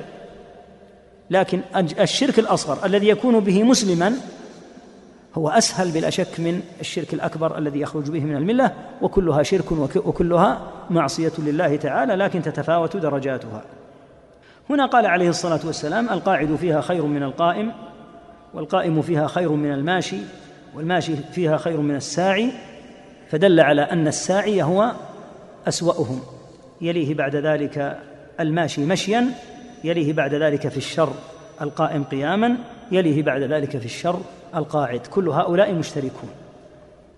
فإذا وجدت هذه الفتنة فهل نسعى أو نقوم أو نمشي؟ ماذا نفعل؟ قال عليه الصلاة والسلام مبين الجواب مبينا ما في هذه الفتنة من الشر من تشرف لها تستشرفه هذه الفتنة. هذا وضعها. وإذا إذا استشرف لها الإنسان بأن تطلع لها وتعرض لها استشرفته وأهلكته. وذلك يعني أنه إذا لم يتطلع لها واعتزل عنها كما سيأتينا إن شاء الله تعالى في حديث يوشك أن يكون خير مال المسلم غنم يتبع بها شعف الجبال ومواقع القطر يفر بدينه من الفتن كلما كان فارا بعيدا عنها فإنها لا تناله ولا يكون من أهلها. فمن تشرف لها تستشرفه تطلع لها فإنها تتعرض له فيقع في الهلاك عياذا بالله. ثم قال فمن وجد منها ملجأ أو معاذا فليعوذ به. إذا تمكن الإنسان من أن يجد موضعا يلجأ إليه ليس فيه هذه الفتنة فإنه يلجأ إليه كما في حديث الحديث السابق يوشك أن يكون خير مال المسلم غنم يتبع بها شعف الجبال. قد لا يجد المسلم لو إذ لهمت الخطوب وصار الناس يقتل بعضهم بعضا ويهلك بعضهم بعضا ويريدونه على الاشتراك معهم قد لا يجد إلا البرية قد لا يجد إلا الجبال العالية والأودية فيأخذ معه غنيمات يذهب بها حتى تنجلي هذه الفتنة كما فعل سعد رضي الله عنه أو أن يموت ولم يشترك في هذه الفتنة. فمن وجد منها ملجأ أو معاذا فليعذ به. نعم. حدثنا أبو اليمان قال أخبرنا شعيب عن الزهري قال أخبرني أبو سلمة بن عبد الرحمن أبو سلمة. قال أخبرني أبو سلمة بن عبد الرحمن أن أبا هريرة قال قال رسول الله صلى الله عليه وسلم ستكون فتن القاعد فيها خير من القائم والقائم خير من الماشي والماشي فيها خير من الساعي. من تشرف لها تستشرف فمن وجد ملجأ أو معاذا فليعذ به. نعم مثل ما في الحديث السابق الملجأ والمعاذ بمعنى واحد من وجد ملجأ منها فإنه يعوذ به. لكن لا يجوز الذهاب إلى بلاد الكفار. هذه مسألة مهمة. بعض الناس قد يظن أن الملجأ أن يذهب إلى بلاد كافرة. لا الملجأ المقصود كما سيأتي في الحديث أن يبعد عن الموضع الذي فيه الفتنة. لأن الذهاب إلى بلاد الكفار لا يحل كما تقدم إلا بشروط محددة واضحة. أما أن يقصد أنه لما وقعت هذه الفتنة في بلاد المسلمين أن الحل أن يذهب ليقيم عند الكفار لا ليس هذا حل. هذا أعظم من الفتنة التي فر منها. وإنما المقصود أن يذهب إلى موضع قد تكون البرية بعض الأحيان ليس فيها مثل ما في داخل البلاد. قد تكون الأرياف ليس فيها ما في المدن. نسأل الله أن يحفظ على المسلمين بلادهم كلها مدنها وأريافها. لكن في كثير من الأحيان يكون التطاحن في المدن عياذا بالله. لأنها هي موقع القوة وفيها الأسلحة وفيها يعني في الغالب فقد يجد في الريف موضعا. قد لا يجد عياذا بالله لا في الريف ولا في المدينة فلا يجد إلا شعاف الجبال والأودية. فقد يحتاج إلى أن يفر إلى مثل هذه المواضع. نسأل الله العفو والعافية. نعم. وعلى كل حال في الحديث هذا خطورة الدخول في الفتن. وفيه وفيها بيان أن على المسلم أن لا يكون عجولا سريعا متخذا للقرار بتحسين ظنه برأيه. فإن كثيرا من الناس دخلوا في فتن لو أنهم سألوا أهل العلم لبصروهم ولكن حملت بعضهم الحمية وبعضهم تحمله حتى الغيرة لله عز وجل. يعلم الله من سويداء قلبه أنه صادق وأنه يريد نصرة الإسلام وأنه مبغض للكفر والفجور والظلم لكن أتى البيوت من غير أبوابها فاشترك في الفتنة. الفتن الأصل عدم الاشتراك فيها عياذا بالله. وكما قدمنا في كلام شيخنا رحمه الله تعالى لا يدخل في هذا كل قتال. فالقتال الذي يتضح فيه الظالم من المظلوم بحيث يكون هؤلاء من البغاة. وهذا ممن له حكم مستقر شرعي. هذا القتال فيه متعين لأنه يجب بنص القرآن قتال البغاة إن لم ينزجروا وإن طائفتان من المؤمنين اقتتلوا فأصلحوا بينهما. هذا هو الأصل أن يبدأ بالإصلاح. فإن بغت إحداهما على الأخرى ما نتفرج. نقول لا شأن لنا بهم هؤلاء بغوا بغيا واضحا متعمدا. وهذا قد استقر له الحكم الشرعي وتمت له البيعة الشرعية. فالتوقف لا وجه له في هذه الحالة. فمن هنا لا ينبغي أن يفهم أن القتال الذي يكون للبغاة أو أظهر منه واشد قتال الكفار. فيقول القائل والله قتال المسلمين للكفار في بلاد الروم وفارس وغيرها نحن لا ندخل فيه ما ندري لا ليس هذا هو المقصود. قطعا ليس المقصود أي قتال ولكن المقصود القتال الذي لا يتضح فيه وجه الصواب. وغالب ما يكون هذا في القتال على الملك وعلى الدنيا كما سيأتي في حديث أبي برزة رحمه الله تعالى في كلامه. فالقتال الذي يكون على الدنيا وعلى الملك لا يجوز الدخول فيه لأنه ليس في سبيل الله قطعا. ومر بنا حديث النسائي في الذي يقول قاتلت قتلته ليكون الملك لفلان فجعله الله يبوء بالإثم. هذا المقصد بأن يكون الحاكم فلانا وأن يزاح فلان حتى يكون محله فلان لا يمكن أن يأذن الشرع بإزهاق هذه الدماء الطاهرة فيه. دماء المسلمين غالية جدا في دين الله. فلا تزهق ليذهب هذا ويأتي هذا. لا يمكن أن تكون هذه سبل صحيحة. إنما تزهق لإزالة الكفر وإقامة دين الله عز وجل. فبهذا القصد يكون القتال في سبيل الله. ولهذا قال عليه الصلاة والسلام لما سئل الرجل يقاتل حمية الرجل يقاتل ليرى مكانه. الرجل يقاتل وهذا لفظ في غاية غاية الأهمية.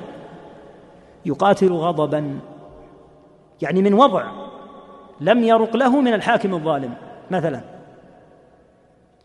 أي ذلك في سبيل الله؟ فأهدر النبي صلى الله عليه وسلم جميع هذه السبل. قال من قاتل لتكون كلمة الله هي العليا فهو في سبيل الله. بحيث إذا انتصر أقيم دين الله وطبقت أحكام شرعه وأزيل الشرك وبذل الجهاد في سبيل الله. وإذا قتل قتل شهيدا. هذا هو السبيل البين الواضح. أما إذا كان إذا انتصر ذهب زيد وأتى عمرو. ثم أزهقت نفوس كثيرة حتى يذهب زيد ويحل عمرو. وما الفرق بين زيد وعمرو؟ لا فرق. إذا لا يحل هذا بتاتا إذا كان بهذا القصد. وهذا كما نبه ابن حجر في الشرح هنا.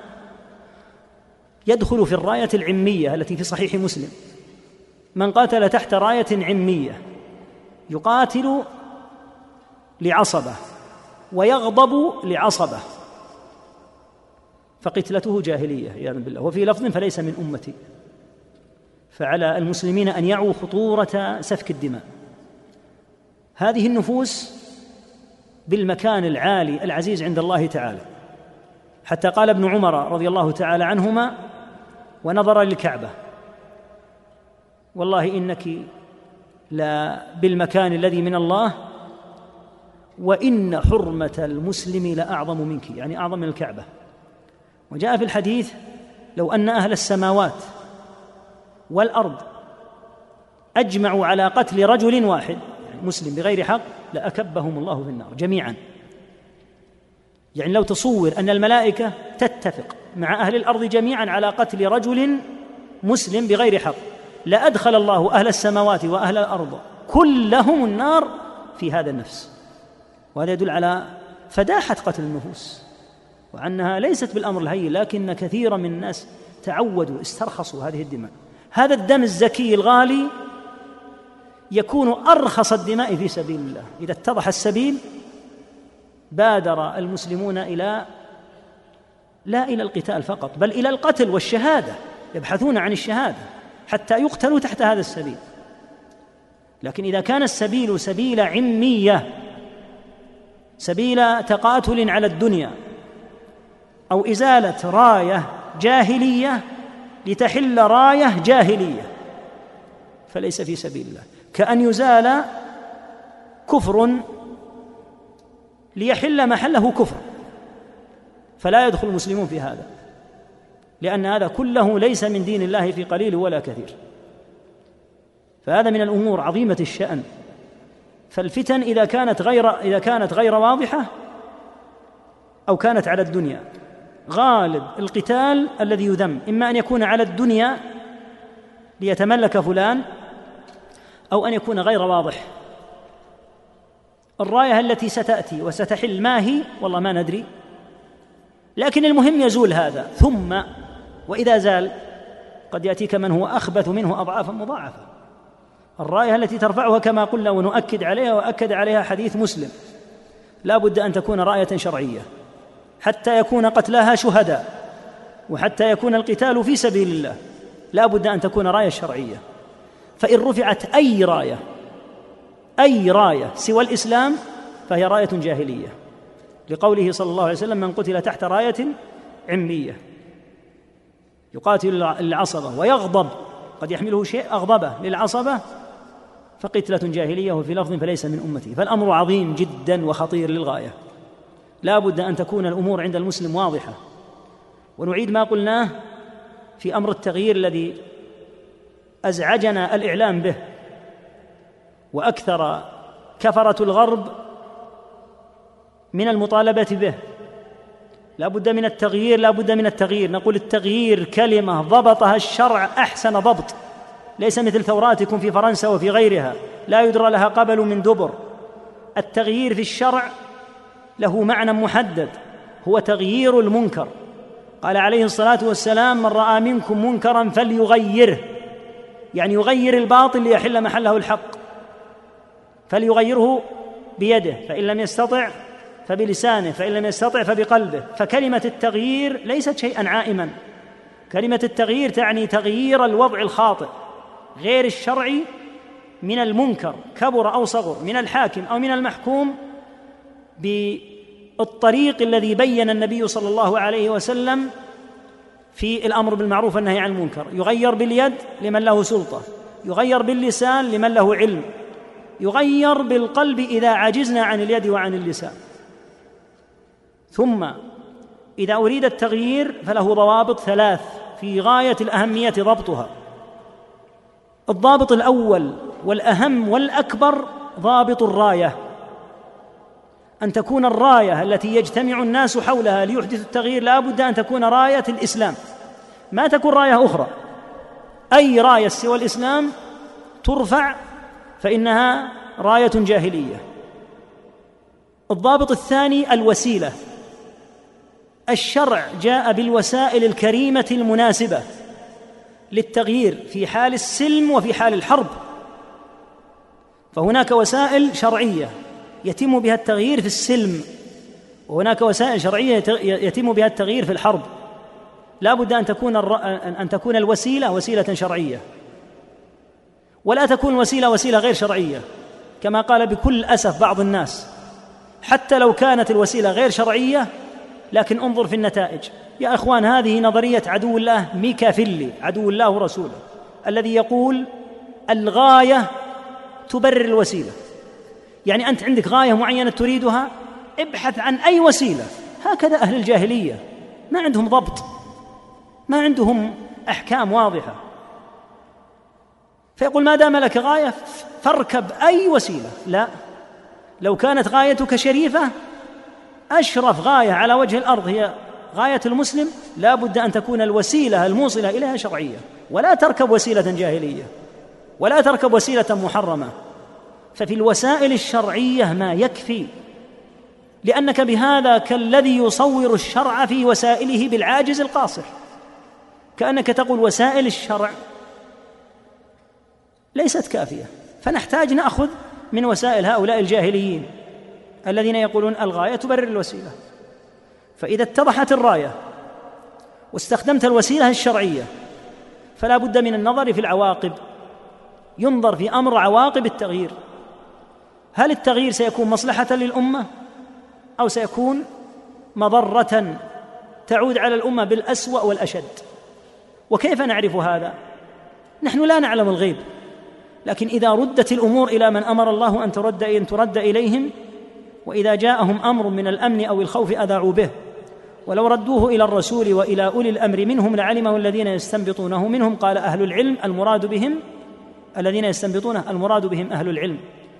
وللعلامة الشيخ عبد الرحمن بن سعدي في هذه الآية كلام لم ارى مفسرا تكلم بأفضل مما تكلم رحمة الله عليه. تكلم بمرارة عما يقع من المسلمين. حين يقع أمر فيه خوف. يقول كيف يذيعون به ويطيرون به؟ كما يطير الإعلام الآن. الله عز وجل أمر أن يرد هذا الأمر إلى أهل العلم لأن رده إلى أهل العلم قد يستوجب عدم إذاعته أصلا. من قال إن كل أمر يذاع؟ وإذا جاءهم أمر من الأمن أو الخوف أذاعوا به ذم الله هذا. ولو ردوا إلى الرسول وإلى أولي الأمر منهم لعلمه الذين يستنبطونه منهم. يقول فيقول أهل العلم يذاع هذا. وفي بعض الأمور يقولون لا يذاع هذا لعدم المصلحة فيه. أو يقولون لا يذاع لأن المضرة في إذاعته. ولما كانت الإذاعات الآن تذيع كل شيء. رأيت آثار مخالفة هذا الهدي الشرعي. وتكلم رحمه الله يقول كيف أن المسلمين خالفوا هذا الأدب القرآني؟ ولهذا يجب على المسلمين أن يبنوا إعلامهم بناء اسلاميا. لأن بعض الأمور من القذارات والدناسات والوقاحات كأن يأتي خبر بأن شابا فعل بأخته عياذا بالله. ما يذاع يا إخوة هؤلاء. كيف يذاع هذا؟ هذا فضيحة من الفضائح التي تجتلب على المسلمين الشر. فتفرح هذه الوسائل الإعلامية بأن تجد مثل هذا. وتجد أن الخبر يذاع في كل مكان ويعود على المسلمين بأخس ما يكون من المذلة. مثل هذه أخبار دنسة قذرة. وهي ولله الحمد ليست كثيرة. فتعالج في المحاكم. ولا تكون على سبيل الإذاعة بأن يظهر. فمن قال إن كل خبر يذاع؟ فالحاصل أنه رحمه الله ذكر كلاما في غاية الأهمية في أمر النظر في المفاسد والمصالح ومن أهمها أن يرد الأمر إلى أهل العلم. هذه الضوابط العظيمة المدلل عليها بأدلة الشرع غاية في الأهمية. تضبط لنا التغيير. هذه العبارات الآن التي صرنا نسمعها ويأتي الإعلام. تشجع التغيير أو ما تشجع التغيير؟ يقول لك أنا أشجع التغيير والثاني يقول لا أشجع التغيير. وهو لا يريد لا يدري ماذا يريدون بكلمة التغيير. الغالب على التغيير الذي تسمعه الآن تغيير أوضاع المسلمين ليكونوا صورة طبق الأصل من إنهم إلا كالأنعام بل هم أضل سبيلا في الغرب وفي غيره. هذا هو المقصود. هذا الذي يدندنون حوله وبذلوا فيه الأموال. فنحن لا نطيش مع من يطيش ولا نطالب بمطالبات هؤلاء. وإذا أردنا أن نغير نغير بالأسلوب الشرعي وتغير الأخطاء لأنهم هناك في الغرب يريدون أن تغير أمور الصواب عند المسلمين. فيقول لا بد أن يغير أمر الحدود. لا بد أن يغير أمر الحجاب. لا بد أن يغير أمر التعدد. هذه أمور من الدين. وقد مدح الله من لم يغير ولم يبدل. وقال سبحانه وتعالى من المؤمنين رجال صدقوا ما عاهدوا الله عليه فمنهم من قضى نحبه ومنهم من ينتظر وما بدلوا تبديلا. الخير والحق ما يبدل. الدين والسنة ما تبدل لأنها إذا بدلت انقلبت على العقب.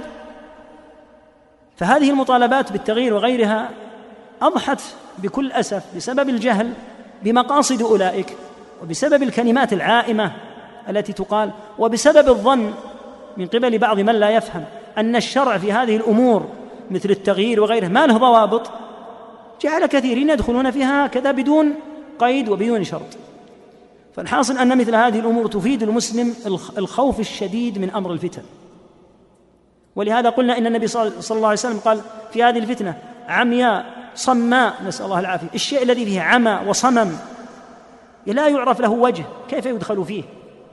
وهو اما أن يكون غير واضح أو أن يكون في أمور الدنيا أو بنقل المسلمين ليكونوا مغيرين لسنة الإسلام التي هم عليها فيكون على سنن أهل الجاهلية. كما قلنا في حديث النبي صلى الله عليه وسلم ليحملن شرار هذه الأمة. تجد الذي يسعى في هذا هم الأشرار. ليحملن شرار هذه الأمة أمتي على سنن من كان قبلها. أهل الكتاب حذو القذة بالقذة. فدل على أن تغيير أوضاع المسلمين السياسية والاجتماعية والاقتصادية لتكون إلى الأحسن وعلى وفق الشرع هذا هو التغيير لأن المنكر في أي جانب من هذه الجوانب هو الذي يغير. أما أن تبدل الأحوال الصحيحة كالحدود وكأمر الحجاب ومنع الاختلاط ليختلط الرجال بالنساء ولكي لا تتحجب النساء ولتكون الأمور شذر مذر على ما هو عليه أولئك أنت تدخل في فتنة لا تدري بأبعادها. وتكون واحدا من الذين يهدمون الدين وأنت لا تدري. وتستخدم وسيلة لا تدري بالغايه التي دخلت فيها. ولهذا مثل هذه الأمور لا يدخل فيها. إما أن تكون غير واضحة أو أن تكون ذات راية جاهلية فاسدة أو أن تكون بين مسلمين يتقاتلون على الدنيا. هذا يريد الملك يريد ينزع هذا منه فيتقاتلون ويتذابحون على هذا. فالواجب على المسلم أن يتدبر في مثل هذه النصوص وأن يعلم خطر الفتن. وانها بالمقام ولهذا جاء في الحديث في هذه الفتن قال قتلاها كلها في النار. نسأل الله العافية والسلامه ما القاعد فيها خير من القائم؟ قال قتلاها كلها في النار. لأنهم دخلوا دربا لا يجوز الدخول فيه.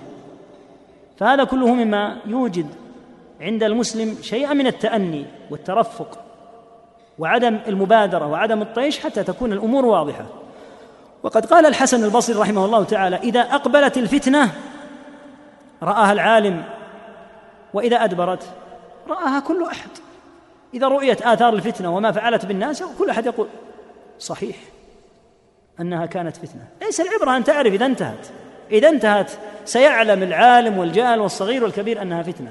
لكن الشأن في بدئها حين تأتي وسيأتينا إن شاء الله تعالى في باب الفتنة التي تموج كموج البحر كيف أن السلف يذكر بعضهم بعضا. الفتنة الحرب أول ما تكون فتية تسعى بزينتها لكل جهول حتى إذا اشتعلت وشب ضرامها ولت عجوزا غير ذات حليل شمطاء ينكر لونها وتغيرت مكروهة للشم والتقبيل. أول ما ترد يسعى إليها كل جاهل.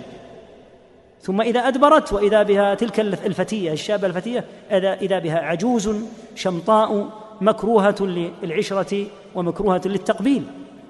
فكل هذا مما يوجد عند المسلم هذا. لا تكن قائما في الفتنة ولا قاعدا ولا ساعيا ولا ماشيا فكلهم مذمومون.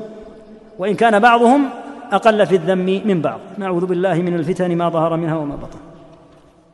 نعم. باب إذا التقى المسلمان بسيفيهما. حدثنا عبد الله بن عبد الوهاب قال حدثنا حماد عن رجل لم يسمه. عن الحسن قال خرجت بسلاحي ليالي الفتنة فاستقبلني أبو بكرة فقال أين تريد؟ قلت أريد نصرة ابن عم رسول الله صلى الله عليه وسلم. قال قال رسول الله صلى الله عليه وسلم إذا تواجه المسلمان بسيفيهما فكلاهما من أهل النار. قيل فهذا القاتل فما بال المقتول؟ قال إنه أراد قتل صاحبه. قال حماد بن زيد فذكرت هذا الحديث لأيوب ويونس بن عبيد وأنا أريد أن يحدثاني به. فقال إنما روى هذا الحديث الحسن عن الأحنف بن قيس عن أبي بكرة حدثنا سليمان قال حدثنا حماد بهذا وقال مؤمل حدثنا حماد بن زيد قال حدثنا أيوب ويونس وهشام ومعل بن زياد عن الحسن عن الأحنف عن أبي بكرة عن النبي صلى الله عليه وسلم. ورواه معمر عن أيوب ورواه بكار بن عبد العزيز عن أبيه عن أبي بكرة. وقال غندر حدثنا شعبة عن منصور عن ربعي بن حراش عن أبي بكرة عن النبي صلى الله عليه وسلم ولم يرفعه سفيان عن منصور. هذا الباب العظيم بوبه على هذا الحديث إذا التقى المسلمان بسيفيهما وترك بقيته في الحديث. قوله حدثنا حماد عن رجل لم يسمه ابن حجر رحمه الله يقول هذا الرجل هو عمرو بن عبيد أحد رؤوس المعتزلة وهو ضعيف.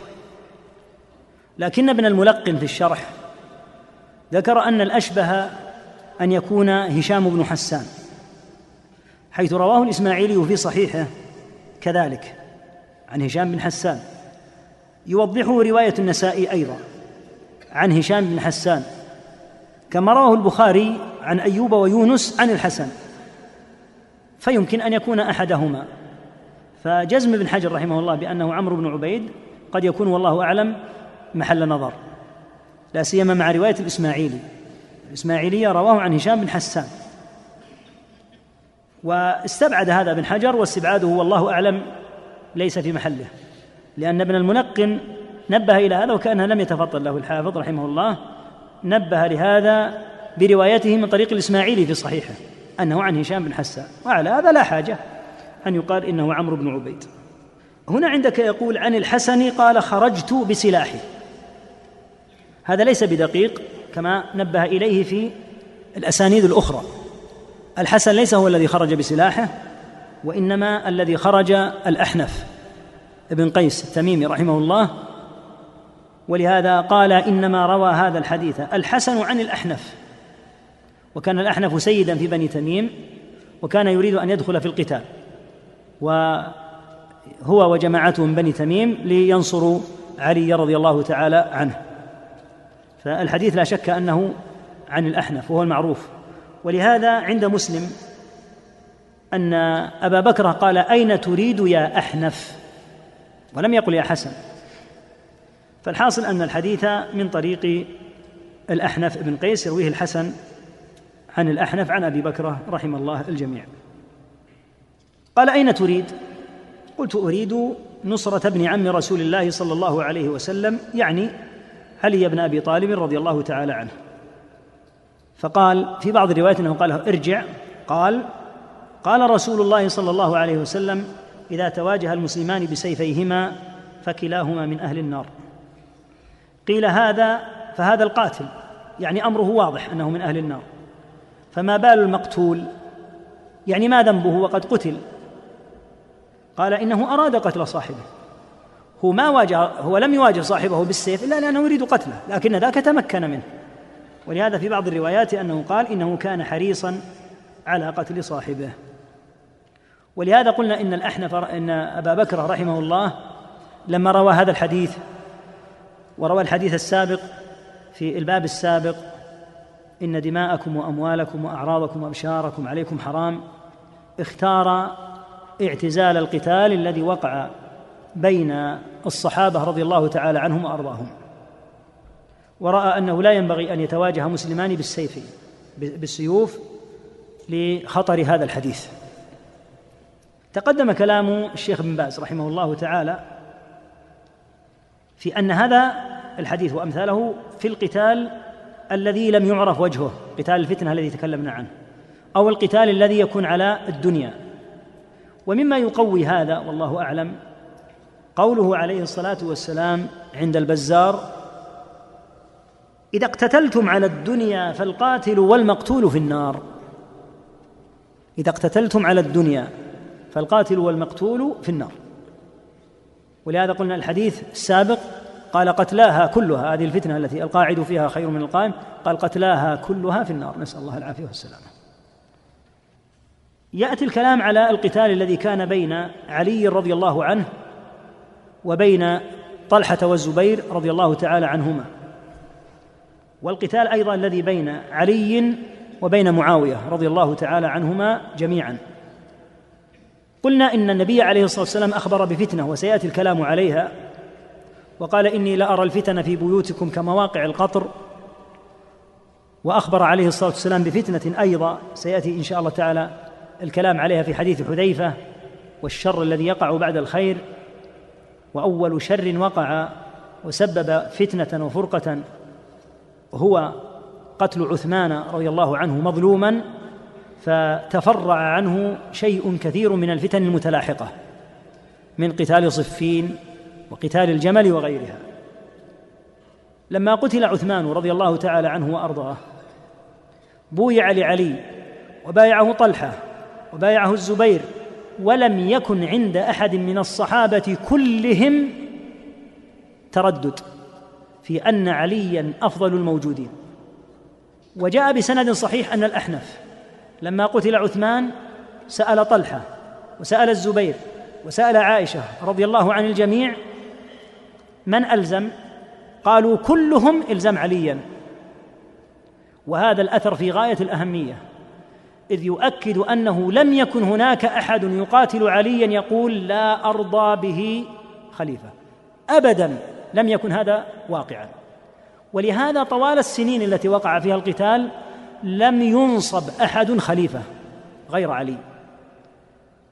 وجاء بسند في غاية الأهمية وهو صحيح وأشار إليه الحافظ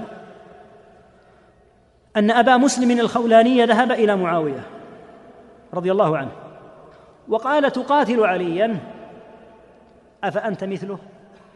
قال والله إني لأعلم أنه أفضل مني وأولى بالأمر مني. ولكن ألا تعلمون أني ابن عم عثمان ليدفع لي قتلته وأسلم له. فكان أصل فكان أصل النزاع في قتل عثمان. ولهذا جاء عن معاوية رضي الله عنه كما في المصنف عند ابن أبي شيبة أنه قال ما قاتلت عليا إلا في شأن عثمان. يعني ما قاتلته اني لا أريده خليفة. ولم يقل هذا أحد لا طلحة ولا الزبير ولا أحد من الصحابة بل بايع طلحة وبايع الزبير. ورأوا أن عليا رضي الله عنه أفضل الموجودين وألحوا عليه وخوفوه بالله الا يمسك الخلافة.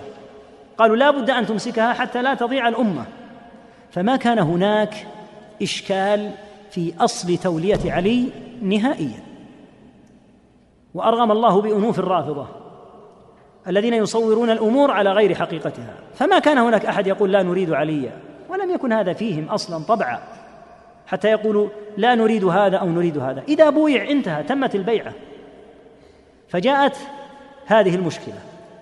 وهي مشكلة قتلة عثمان.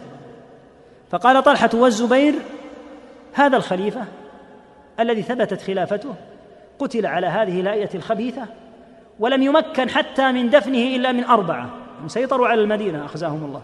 لم يحمل جثمان عثمان رضي الله عنه إلا أربعة فقط. وذهبوا به عجلين ودفنوه. وكأنه رضي الله عنه من فجرة الناس. خليفة المسلمين لا يدفنه إلا أربعة. فاغتاظ عدد من الصحابة واغتاظ أهل الشام. وقالوا لا نحل عقده. بتاتا حتى يقتل القتلة ثم ليتولنا أي أحد. قال علي رضي الله عنه قتل القتله غير ممكن. البلاد الخطوب فيها مدلهمه فكيف يمكن قتل القتلة؟ لا بد أن تكون اليد واحدة في الشام وفي مصر وفي العراق وفي الحجاز وفي كل موطن فيتحدد القتلة خاصة وأن القتلة أخزاهم الله انحازوا إلى قبائلهم. فليس من السهل أن تذهب إلى تجيب فتأتي بالتجيبي وتذهب إلى تميم فتأخذ التميمي ليس الأمر بالهين حتى تهدأ الأوضاع. وكان الصواب معه عند أهل السنة. أهل السنة يقررون أن علي رضي الله عنه أولى بالصواب. ولكن جاء حديث فيه ملحظ لحظه شيخ الإسلام رحمه الله وهو أن النبي صلى الله عليه وسلم قال في الخوارج تقتلهم أولى الطائفتين بالحق. من الذي قتل الخوارج؟ علي رضي الله عنه. قال فقوله أولى الطائفتين بالحق يدل على أن الطائفتين مع بعضهم معهم بعض الحق. ولكن إحدى الطائفتين أولى وأجدر بالطائفة الثانية من الحق. يعني أن ليس عندنا طائفة ضالة فاجرة وطائفة محقة مصيبة بنسبة مئة في المئة. هؤلاء معهم حق. هو الأقوى والأكثر والأجدر وهو علي رضي الله عنه. وأولئك لم يكونوا قطاع طريق وفجارا حاشاهم وأجل الله مقامهم. لكن كان عندهم قضية وهي أنهم يقولون السمع والطاعة لعلي لا إشكال. لكن هذا المنكر وهو قتل هذا الخليفة الذي قبل علي وأجمعت عليه الأمة يجب أن يبدأ بهذا المنكر قبل أي شيء. فقدر الله تعالى أن وقع القتال. وأين وقع القتال بين علي والزبير وطلحة؟ كلهم في المدينة. أين وقعت موقعة الجمل؟ في البصرة. لو كان طلحة والزبير يريدان قتال علي لقاتلاه أين؟ في المدينة.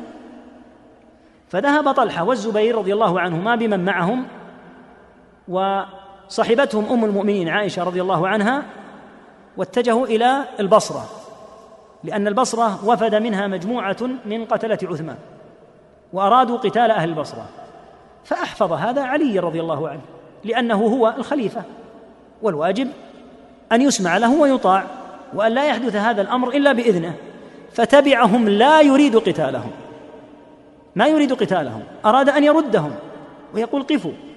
حتى لو أردنا قتل القتلة فإنكم لا تتولون هذا أنتم. فكتب الله تعالى أن وقعت الموقعة بغير رضا الطرفين. قال شيخ الإسلام رحمه الله قال غير واحد من المؤرخين إن بدء القتال بين علي وبين الزبير وطلحة لم يرده الجميع وإنما أثاره من؟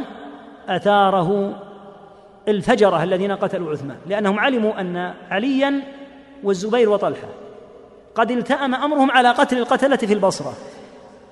فأرادوا ألا يتفرجوا حتى يؤخذوا فأثاروا القتال وصار ما صار وندم الصحابة رضي الله تعالى عنهم على ما وقع ومنهم علي رضي الله عنه مع أنه على الحق لأنه لما رأى طلحة رضي الله عنه قتيلا صار يزيل التراب عن جبهته رضي الله عنهم أجمعين ويقول يعز علي أبا محمد أن أراك مجندلا تحت نجوم السماء.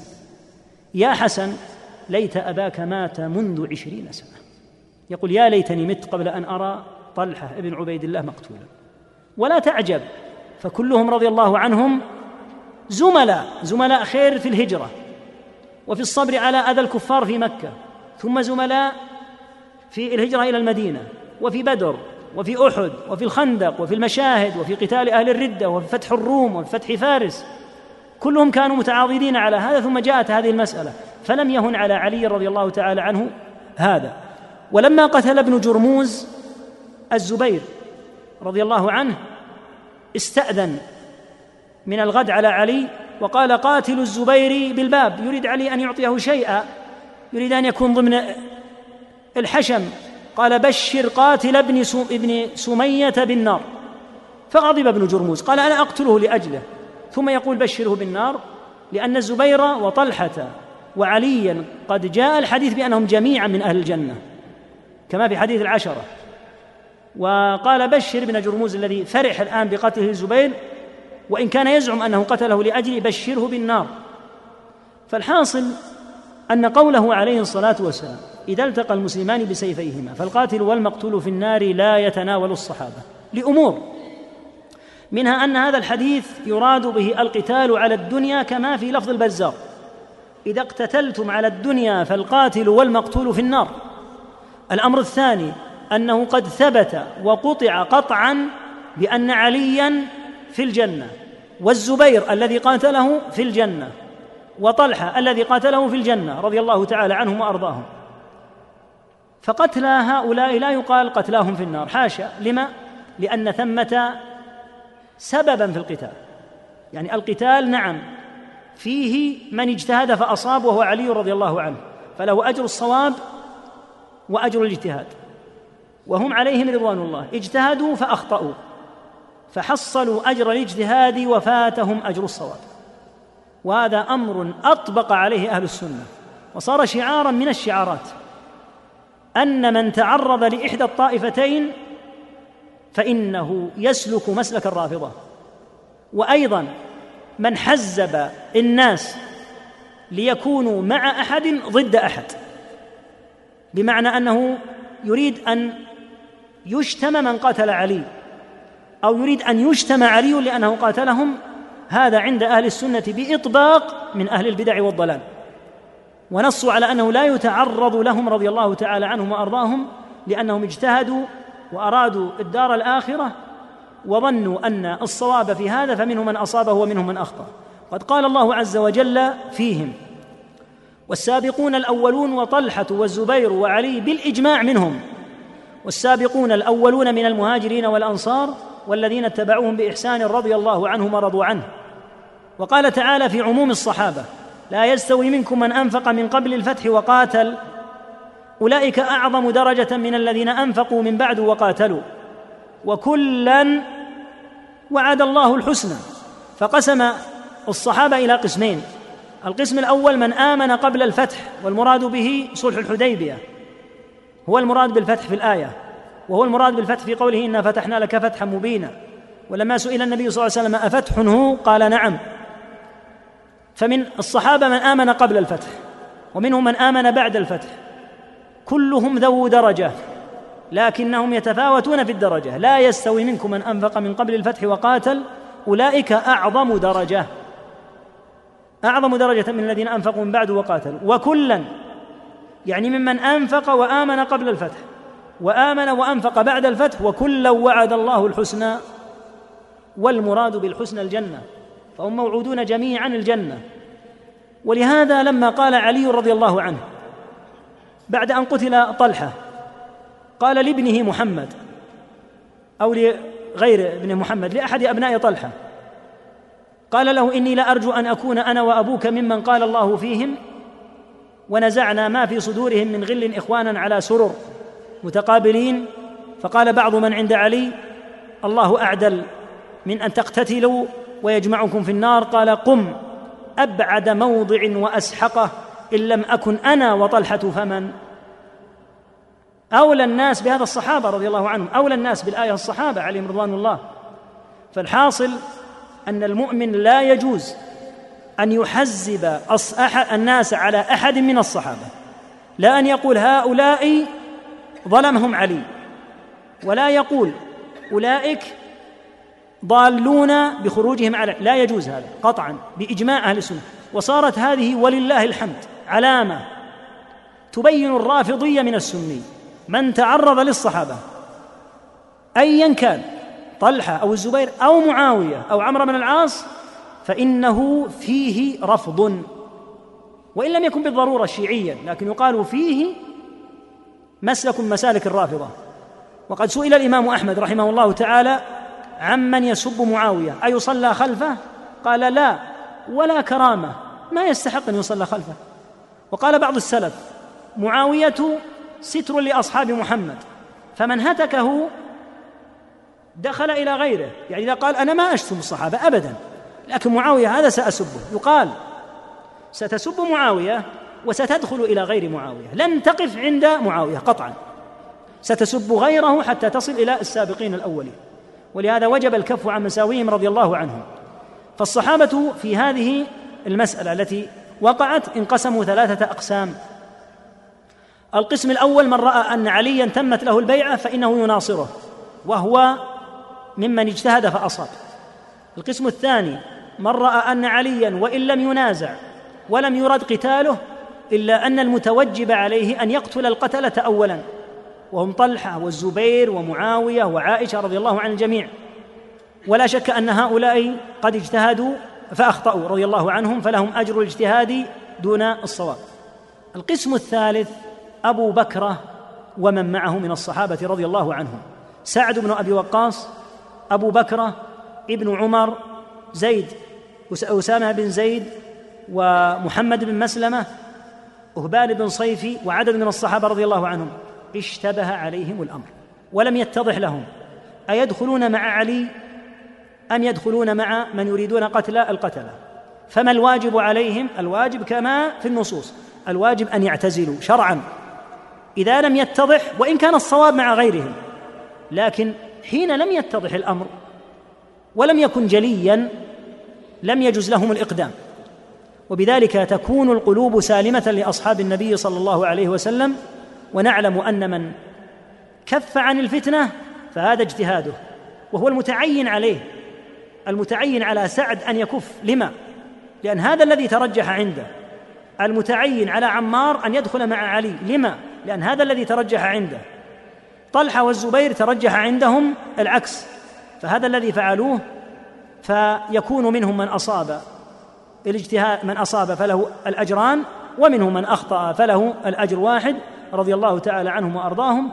أما أن يحزب الناس على علي أو مع علي ضد غيره فهذا صنيع الرافضة ومن هنا فإن قول أبي بكر رضي الله عنه للأحنف ارجع فإني سمعت رسول الله صلى الله عليه وسلم يقول إذا تواجه المسلمان أو إذا التقى المسلمان بسيفيهما فالقاتل والمقتول في النار هذا بحسب اجتهاد أبي بكر رضي الله عنه لأنه يقول الآن القتال عندي لا أشك أنه لا يجوز. فنصح الأحنف بن قيس بالذي ترجح عنده رحم الله الجميع وبذلك تكون القلوب سالمة للصحابة رضي الله تعالى عنهم وتكون المسألة جلية من جهة من معه الصواب ممن معه الاجتهاد الذي لم يصب فيه وتبقى القلوب سالمة. لأن الله تعالى ذكر آية في هذه الأمة إلى قيام الساعة بعد أن ذكر المهاجرين للفقراء المهاجرين الذين أخرجوا من ديارهم وأموالهم. ثم ذكر الأنصار والذين تبوأوا الدار والإيمان من قبلهم ذكر من يأتي بعدهم إلى قيام الساعة. فقال والذين جاءوا من بعدهم يقولون ربنا اغفر لنا ولإخواننا الذين سبقونا بالإيمان ولا تجعل في قلوبنا غلا للذين آمنوا. فلا يجوز أن يحدث أحد غلا في قلوب أهل الإسلام لعلي أو لطلحة. لا يجوز هذا. وما فعله أحدهم من تجميعه جملة من الأشرطة. لا يعرف فيها القبل من الدبر ولا يعرف الصحيح من الضعيف. جمع أشياء موضوعة وأشياء ضعيفة من هذه الأخبار وأخرجها في أشرطة فسبب شوشرة ليست هينة بسبب عدم بصيرته لأن الأخبار مليئة أو بالأسانيد الكاذبة التي ترويها الرافضة في التاريخ من جماعة أبي مخنف لوط بن يحيى وما يرويه الواقدي المتروك وما يرويه فلان وفلان وهذا والله لا يدري بالذي في البخاري من الذي في تاريخ الطبري. فجمعها فسببت إرباكا شديدا في الناس لأنه جمع أشياء موضوعة باطلة لا تصح ولا تنسب للصحابة يرويها مثل لوط بن يحيى ونحوه من الشيعة المحترقين فنشرها في الناس. ولو قيل له أين الصحيح؟ قال ما أدري لكن هذه أخبار. أخبار تتعلق بالصحابة والصحابة باب من أبواب الاعتقاد. فما الذي أقحمك هذا الباب أصلا؟ فلا شك أن هذا كله من الجهل ولهذا سبب إرباكا ولهذا يقول أهل العلم كل محزب للناس على فريق من الصحابة ففيه شعبة من الرفض. ليس له أن يحزب أحدا. ضد علي ولا مع علي ولا ضد طلحة وعليه أن يقول ما قال الله أمر الله عز وجل عباده ربنا اغفر لنا ولإخواننا الذين سبقونا بالإيمان. ولا تجعل في قلوبنا غلا للذين آمنوا. ربنا إنك رؤوف رحيم. والرافضة أخزاهم الله يركزون على مثل هذه الأمور ليوجدوا في الجهلة. ما يظنون أنه يمكن أن يزحزحهم ويزيغهم. ثم إن الرافضة كما تعلم لا يتوقفون عند قتال علي ومن قاتله. ما ذنب عمر؟ لم يقاتل عليا وكان مجلا له مكرما وكان دائما يستشير عليا. ما ذنب أبي بكر؟ فالرافضة لهم مبدأ في تبغيض الصحابة لعموم المسلمين وليست المسألة أن هؤلاء قاتلوا عليا وقد سمعت أحدهم يقول أخزاه الله يقول الذي نكرهه ليس أبا بكر ولا خالد نحن نكره عمر أشد من كرهنا لأبي بكر وخالد. ثم قال إنما كرهنا عمر لأنه هدم الدولة الفارسية. انظر إلى الحمية الجاهلية. ثم يقول عمر يأخذ بنات الأشراف يقصد الفرس. ويعطيها. الهمج العرب هؤلاء منطق شعوبي جاهلي محض. ثم يقول إننا معشر الشيعة. قلنا إن علي إن عمر ضرب فاطمة وكسر ضلعها. ثم يضحك ويقول والله لا كسر ضلعها ولا شيء ولكن أردنا أن نصبغها بصبغة دينية. هكذا يقول. فسبوا فسبوا الصحابة من قبل الرافضة. لا شك أن سبهم لهم المقصود به تهديم الإسلام. لا القضية أن هذا قتل عليا أو غيره لأن أبا بكر لم يقاتل علي ولم يتعرض له وأجله حتى توفي أبو بكر.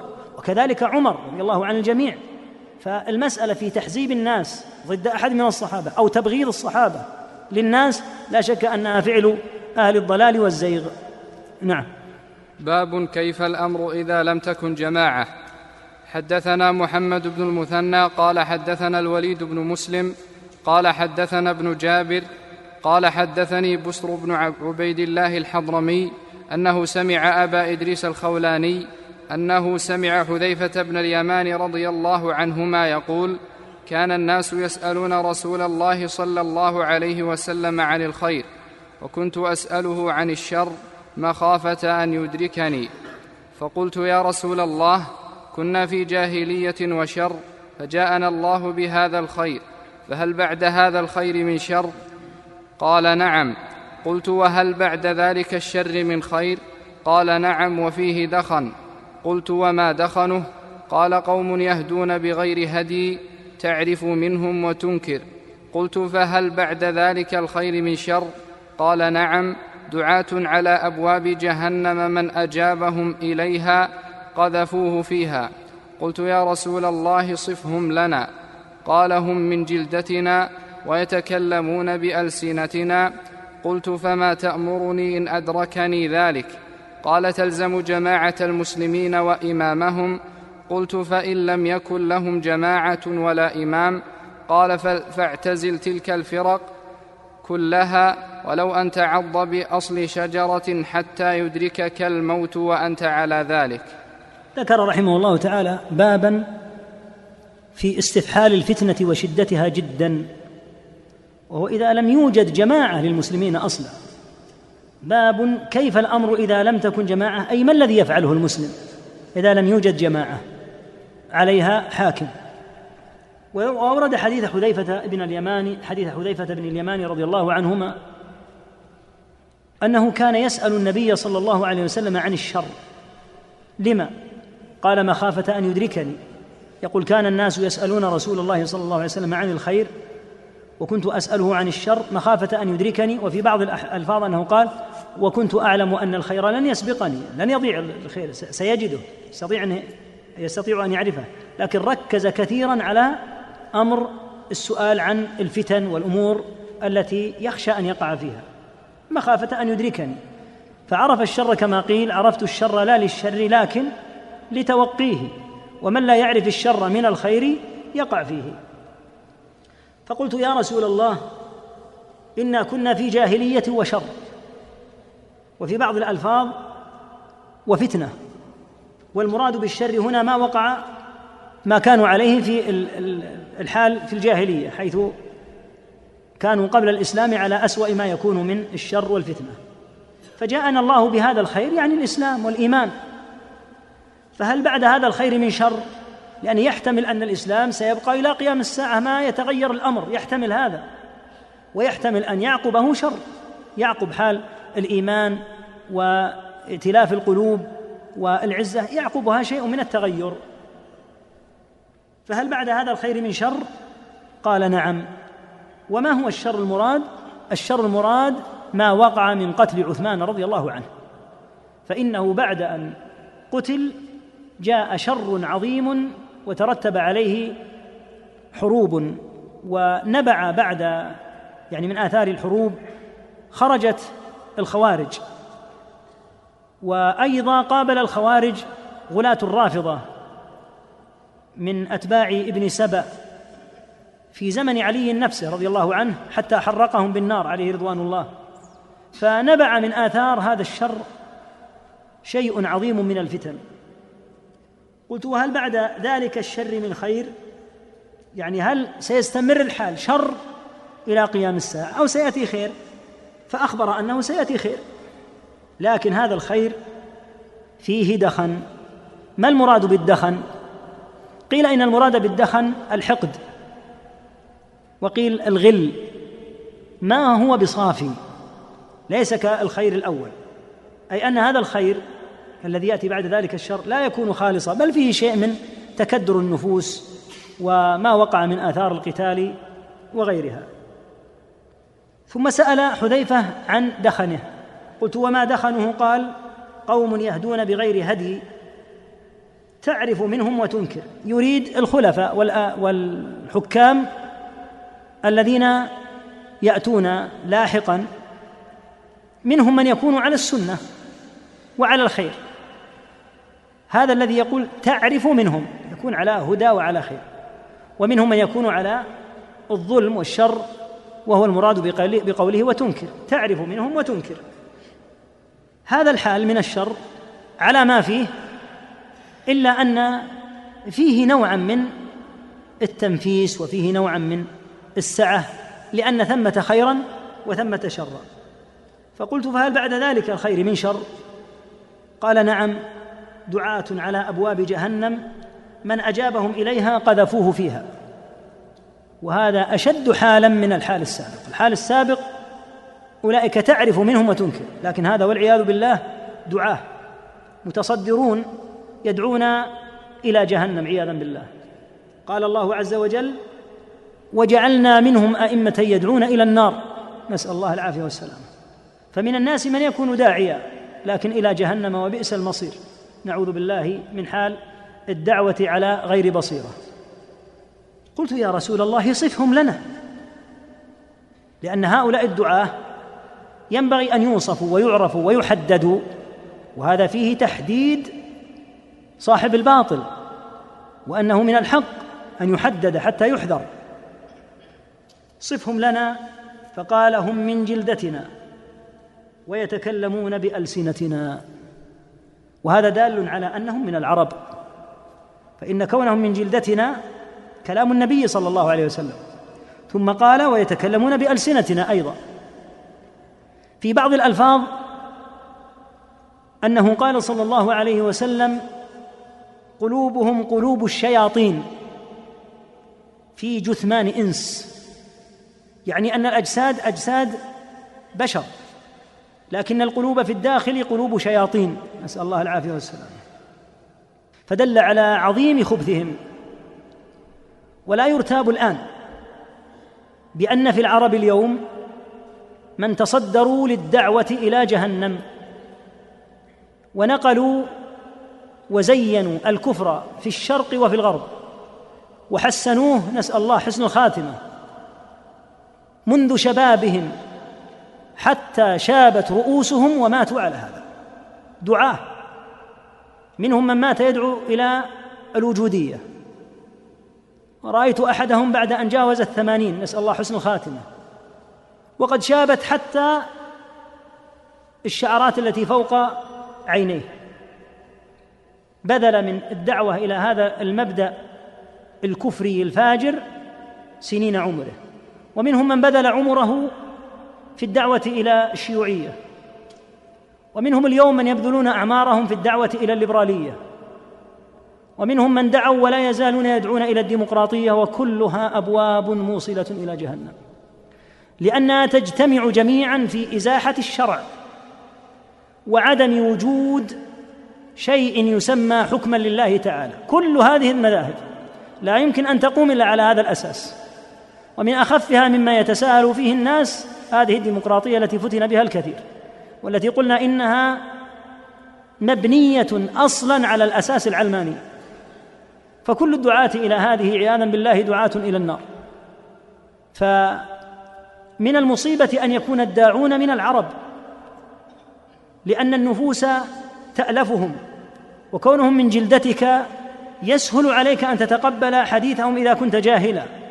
ولا سيما وقلوبهم قلوب الشياطين.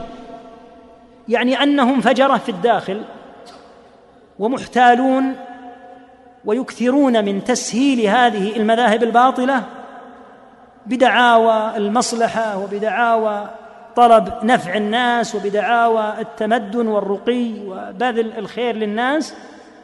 ولهذا جاء في بعض الروايات ما يدل على أن ألسنتهم أحلى من العسل. فيجتمع شيء كثير من شرهم عياذا بالله. فلما كانوا على هذا الحال ومنهم أيضا من يكونون أئمة يعني حكاما لأنه الحديث المقطع السابق قوم يهدون بغير هدي تعرف منهم وتنكر يريد به خلفاء. ثم قال دعاة على أبواب جهنم أيضا من هؤلاء. لكن هؤلاء أشد لأنهم ليس فيهم ما قال تعرف منهم وتنكر بل يدعون إلى النار عياذا بالله مباشرة. قلت فما تأمرني إن أدركني ذلك؟ هذا الحال الذي فيه السؤال كيف الأمر إذا لم تكن جماعة؟ هذا الحال الثاني. سؤال حذيفة رضي الله عنه سؤال بصير لأنه سأل عن أمرين.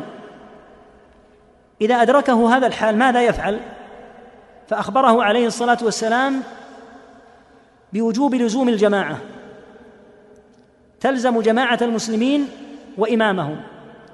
وإن كان في هذه الجماعة شيء كثير من الظلم وإن كان فيها شيء كثير من الأثرة كما قلنا إن النبي صلى الله عليه وسلم أخبر عن أن هؤلاء الحكام يتميزون بالأثرة يعني الاستئثار بالشيء الذي ليس لهم أن يستخلصوه دون الناس فأمر بلزومه حتى وإن كانوا على هذا الحال. لما؟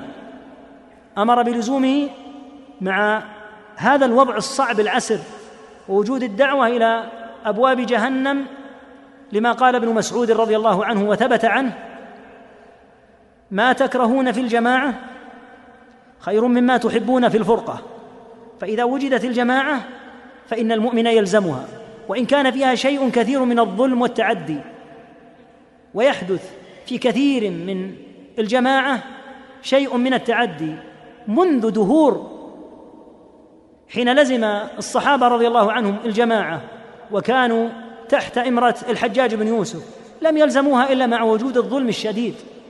فالجماعة يقع فيها ظلم لكن يتميز بأنه مع وجود كيان للأمة. فيحفظ ويتحمل هذا الضرر لأجل الا ينفرط العقد وهو الذي سأل عنه حذيفة في الثاني. تلزم جماعة المسلمين وإمامهم لأن الأمة من حاكم ومحكوم. فإذا وجد الحاكم الذي يضبط الأمور ووجدت الرعية فهذه الجماعة ينبغي الحفاظ عليها وتحمل شيء كثير من العنت والصعوبة لأجل أن يبقى الإنسان في الجماعة. ثم سأل حذيفة عن الحالة الثانية فإن لم يكن لهم جماعة ولا إمام كما يحدث في بعض البلدان حين ينفرط العقد ويسقط الحكم ثم تكون الأمور فوضى. ولا يوجد جهة تستطيع أن تسيطر على الطيش والفوضى الحاصلة ويأكل القوي الضعيف. وهذا ما قال ابن مسعود ما تكرهون في الجماعة خير مما تحبون في الفرقة. يعني الشيء الذي تكرهونه في الجماعة من الظلم والتعدي هو أفضل مما لو صارت فرقة وانخرم أمر الجماعة لأن كل أمر تبغضه في الجماعة سيتضاعف اضعافا في الفرقة. فإن كنت تبغض أن هناك من يستأثر بالأموال هناك من يستأثر بالأرض هناك من يضرب الناس هناك من يقتل الناس هناك من يتعدى على الناس. في الجماعة فستكون هذه بأضعاف مضاعفة في الفرقة وستكون الأمور أشد بكثير. وسيكون هتك الأعراض عياذا بالله. وسيكون سبي الأموال وقتل الناس كما في الحديث الذي في مسلم. لا يدري القاتل فيما قتل ولا المقتول فيما قتل. لكن في الجماعة الغالب أنه لا يحدث هذا لأنه يكون هناك حاكم يمنع من القتل يمنع من السرقة. ويكون الحاكم ظالما لكن يتميز بأنه يمنع الناس بعضهم عن بعض. فإذا انفرط الأمر عياذا بالله تضاعفت المفاسد التي في الجماعة. في حال الفرقة وصارت كما قيل كم زمان بكيت منه ثم بكيت عليه. يتمنى الناس وهذا حاصل للأسف في بعض البلاد اليوم. من البلاد التي زادت الآن على عشرين سنة ذهب فيها الحكم. ثم اضطربت الأوضاع ولم يوجد حكم يسيطر على البلد. فتفاقمت الأوضاع في جميع الجهات. وجاءت مجموعة من الدول الأجنبية التي تدعي العدالة والإنصاف. فدفنت في بعض البلاد الإسلامية نفايات نووية. وهي بغاية الخطورة على الأرض وعلى الأجيال تخرج آثارها لاحقا لما؟ لأنها وجدت الفوضى. وليس هناك رادع ولا حاكم ولا أحد. وصارت هناك مفاسد في غاية السوء. أما ما يتعلق بالأعراض وما يتعلق بالأموال وما يتعلق بالدماء فحدث عنه ولا حرج. وهذا الذي أمر النبي صلى الله عليه وسلم بلزوم الجماعة لأجله وإن كان فيها ظلم. فلما قال حذيفة فإن لم يكن لهم جماعة ولا إمام. ما هنالك حاكم والأمور فوضى مدلهمة. والناس تتقاتل لأن العادة أنه إذا لم يوجد حاكم أن الناس يكونون متحزبين. هؤلاء يقاتلون هؤلاء. قال فاعتزل تلك الفرق كلها. لا تدخل مع أحد منهم أبدا. لما؟ مرة أخرى. ما السبب؟ ما هنالك راية. راية عميه فوضى فهذه لا يدخل فيها. فاعتزل تلك الفرق كلها ولو أن تعض بأصل شجرة. والعض بأصل الشجرة فيه دلالة على المكابدة والصبر. وإلا فالعض على الشجرة ليس بالهين أن تعض على أصل شجرة. فتصبر على هذا الحال حتى لو كان مرا وصعبا. حتى يبعثك الله عز وجل وأنت على هذا. حتى, حتى يدركك الموت وأنت على ذلك.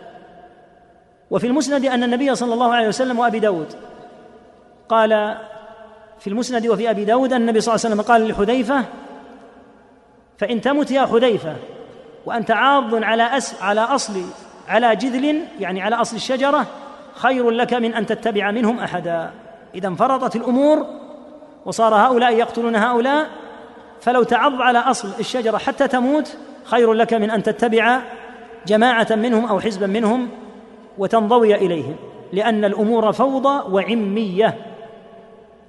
كل هذا يؤكد على المنهج العظيم الذي رسمه الشرع في أمر الفتن والتبصر والتعرف عليها ودراستها من خلال نصوص السنة لا من خلال مجرد يعني ما يقع في الخاطر وما يقع في المشاعر إلا فالمشاعر تجوس بأشياء كثيرة لكن العاقل يتدبر ويتبصر في أموره بحسب ما ترشده النصوص. والغر الجاهل يتصرف كيفما اتفق. يقول هل يجوز أن يجرى المسابقات في المصارعات الرياضية؟ المسابقات تكون فيما قال عليه الصلاة والسلام. لا سبق إلا في نصل أو خف أو حافر. هذه الذي يكون فيها العوض. يكون فيها السبق. يقول كيف الجمع بين قول النبي صلى الله عليه وسلم الاعرابي إنه إذا قتل من اعتدى عليه فهو في النار وإذا قتل فهو شهيد مع عدم من اعتدى على نفسك يريد قتلك كما مر معنا. الأعرابي سأل عن الرجل يريد أن يأخذ ماله. قال لا تعطه. قال فإن قاتلني قال قاتله. قال فإن قتلته قال فهو في النار. قال فإن قتلني قال فأنت شهيد رواه مسلم. وهذا إذا تعرض لك قطاع الطرق وأمثالهم. لا يقال اتركه لا, لا تتركه امنعه. ولو قتلك لكنت شهيدا. لكن الحديث هذا في قتال الفتنة حين تكون الأمور مضطربة والناس يتقاتلون احزابا. فجاءت النصوص بالكف والدخول إلى داخل البيوت وترك التعرض لهم. يسأل عن العمل تحت إدارة الكفار. قلنا الأصل أن المسلم لا يرأسه كافر كما قال تعالى ولن يجعل الله المسلمين ولن يجعل الله الكافرين على المؤمنين سبيلا. ما يكون الكافر على المسلم؟ يعني يكتب عنه مثلا تقارير للترقية مثلا يكتب عنه أنه مناسب للعمل أو غيره. لا يصلح هذا هذا وضع غير صحيح. يقول ما حكم سب الكفار إذا دعي إلى الحاجة؟ كما فعله الصديق رضي الله عنه إذا كان الغرض التحذير منهم فهذا أمر لا إشكال فيه.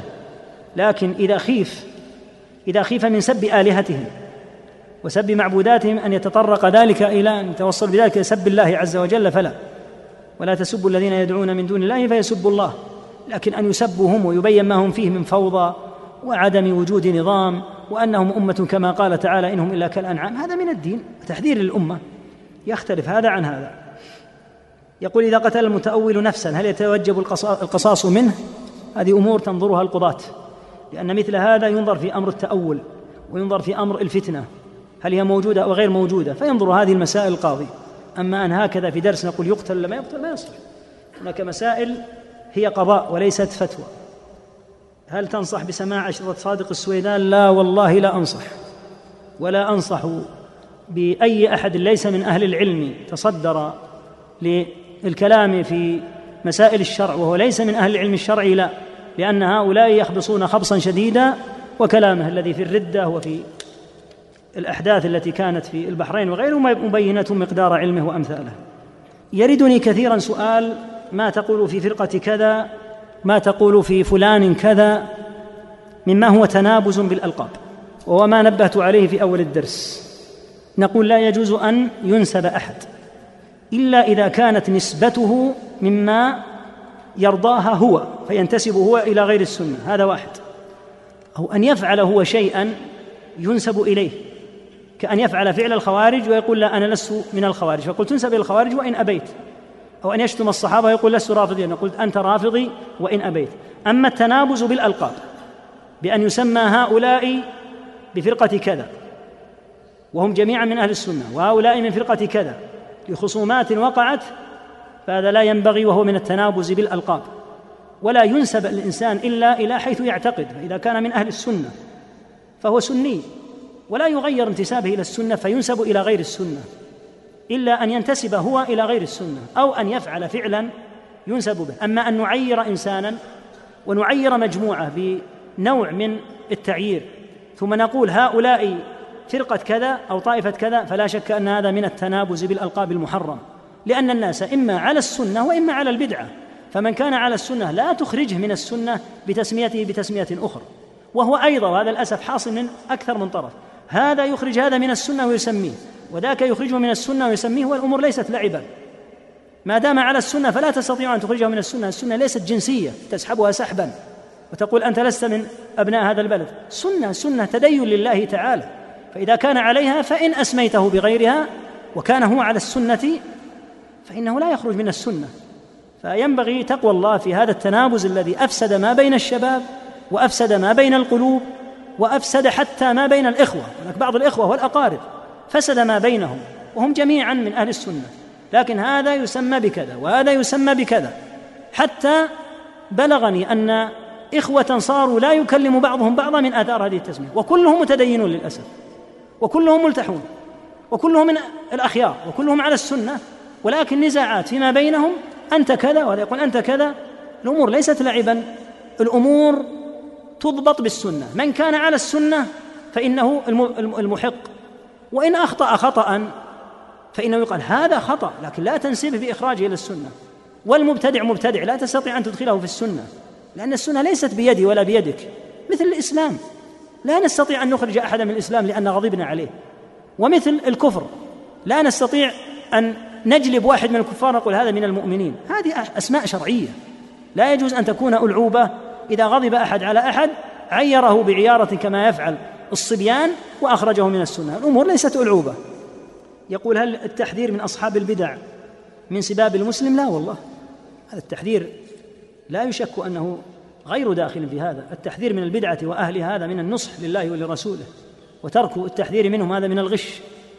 في بعض الدول يوجد حروب بين المسلمين فهل الاعتزال أفضل؟ قلنا يا أخواننا بحسب الحال بالتفصيل الذي قلناه. تارة يكون هناك جماعة تارة لا يكون هناك جماعة. تارة يكون الحاكم كافرا ويمكن إزاحته. تارة يكون كافرا ولا يمكن إزاحته.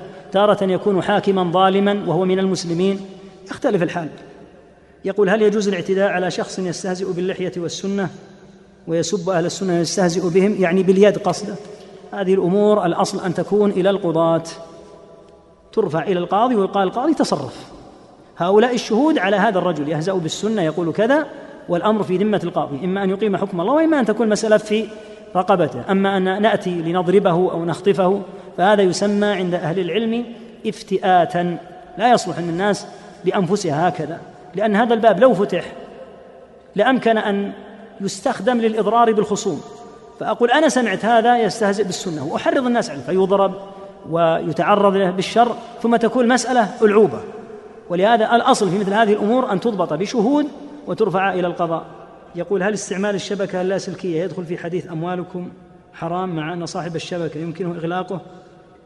لعله يقصد الإنترنت يعني بحيث أنه يكون صاحب الشبكة يمكن أن يدخل معه. وبالتجربة يا إخوة يعني إذا دخلت أنت على جارك ودخل هذا وهذا تعلمون أن صاحب يعني الاشتراك يكون في الثقل يثقل عليه العمل. يعني لو قلنا إنها مثل اللمبة هذه تضيء وهذا يعني يذهب هناك وينظر بكتابه وهذا هناك لا يقول لا تنظروا في إنارة قوم لا يستطيع لكن لا شك أن هذه الشبكة كأنك تأتي دون الإضاءة فلا يستطيع أن يرى هذا تمثيلها الآن. يعني إذا اشترك هؤلاء معه ثقلوا عليه أمر التعامل مع الإنترنت هذا أمر ملاحظ. ثم هو ينبغي أيضا أن يقفله. لما؟ لأنه قد يأتي أطفال وغيرهم ويدخلون في مثل هذه الشبكات ويدخلون من خلال برنامجه. هذا إلى مواقع لا ينبغي أن يدخل إليها فهو ينبغي أن يغلق لكن بعض الناس لا يحسن إغلاقه فيدخل عليه جيرانه فيثقلون مثل هذا وهذا من التعدي الذي لا يجوز. يسأل عن قوله عليه الصلاة والسلام في الصلاة فمن تركها فقد كفر. وقوله يكفرن العشير.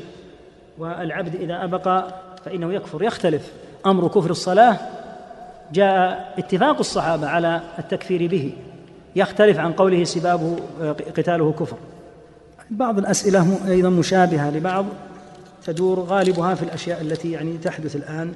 يقول أشكل علينا قولك من صام شهرين بشهور الميلادية توجب الإعادة فما الحكم لو كانت ستين يوما؟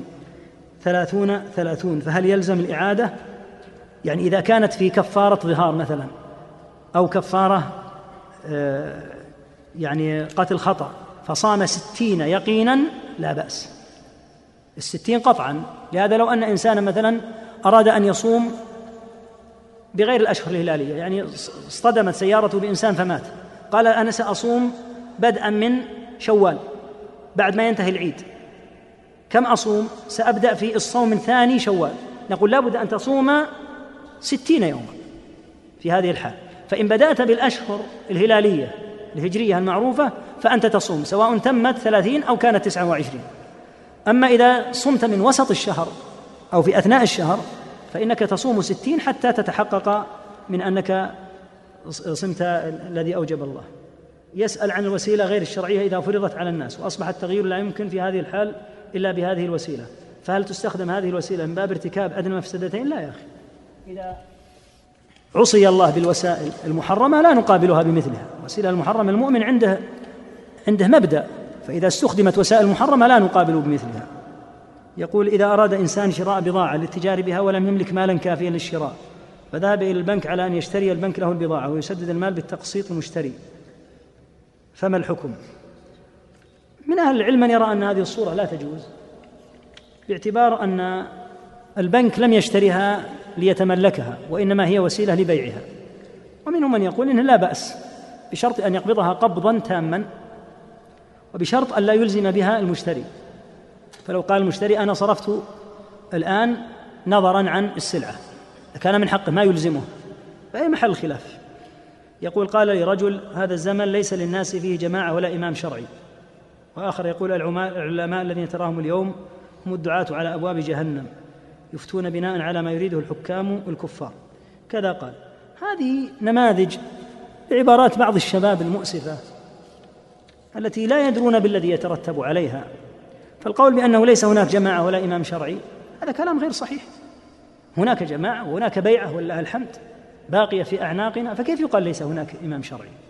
بعض الناس يقول لا يوجد كما قل مر في سؤال يقول لا يكون هناك إمام إلا إذا كان إماما مثل إمامة عمر بن الخطاب رضي الله عنه يكون على مستوى الخلافة. قلنا هذا غير صحيح قلنا إن الدولة الأموية في عهد السلف وجدت في الأندلس منابذة لدولة بني العباس وصار هناك سمع وطاعة وصار عند بني العباس سمع وطاعة.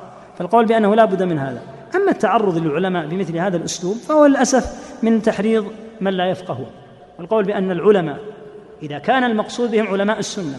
أما علماء السلاطين الذين يبيحون ما حرم الله ويسهلون للناس الظلم ويقولون اقتلوا الناس ويقولون فعلكم صحيح هؤلاء ما لنا ما, ما لأهل السنة بهم علاقة فلا يحسبون على أهل العلم. أما أهل العلم المنضبطين على السنة فحاشا لله أن يكونوا هم مقصودين بهذا وهذا من التعدي على هؤلاء. وإذا قيل هذا فإنه ينبغي إذا كان المقصود ذاك القسم فيقال علماء السوء. يحدد الإنسان يحدد كلمته لا يطلق الكلمة كأنها في أهل العلم الإخوة يحبون ألا نتجاوز يعني يقول هل هناك من المبشرات في هذه في هذا الزمان؟ إي والله إي والله المبشرات كثيرة وما أخبر به عليه الصلاة والسلام من فتح رومية في إيطاليا وما أخبر به عليه الصلاة والسلام من الملحمة مع الروم وما أخبر به عليه الصلاة والسلام من قتل اليهود واختبائهم خلف الشجر والحجر حتى يقول المسلم يا عبد الله هذا يهودي خلفي تعال فاقتله. قول عليه الصلاة والسلام لا يبلغن هذا الدين ما بلغ الليل والنهار. الليل والنهار ماذا تبلغ؟ كل الأرض بعز عزيز أو بذل ذليل. لكن كوننا نحن على هذا الحال نحن حال المؤمن ينبغي أن يهيئ ويسعى فيما يعز الله به الدين. أما وعد الله فكما قال تعالى وعد الله لا يخلف الله وعده. يسأل عن الكلام فيما شجر بين الصحابة رضي الله عنهم تراجع فيه كتب الاعتقاد. والله تعالى أعلم وصلى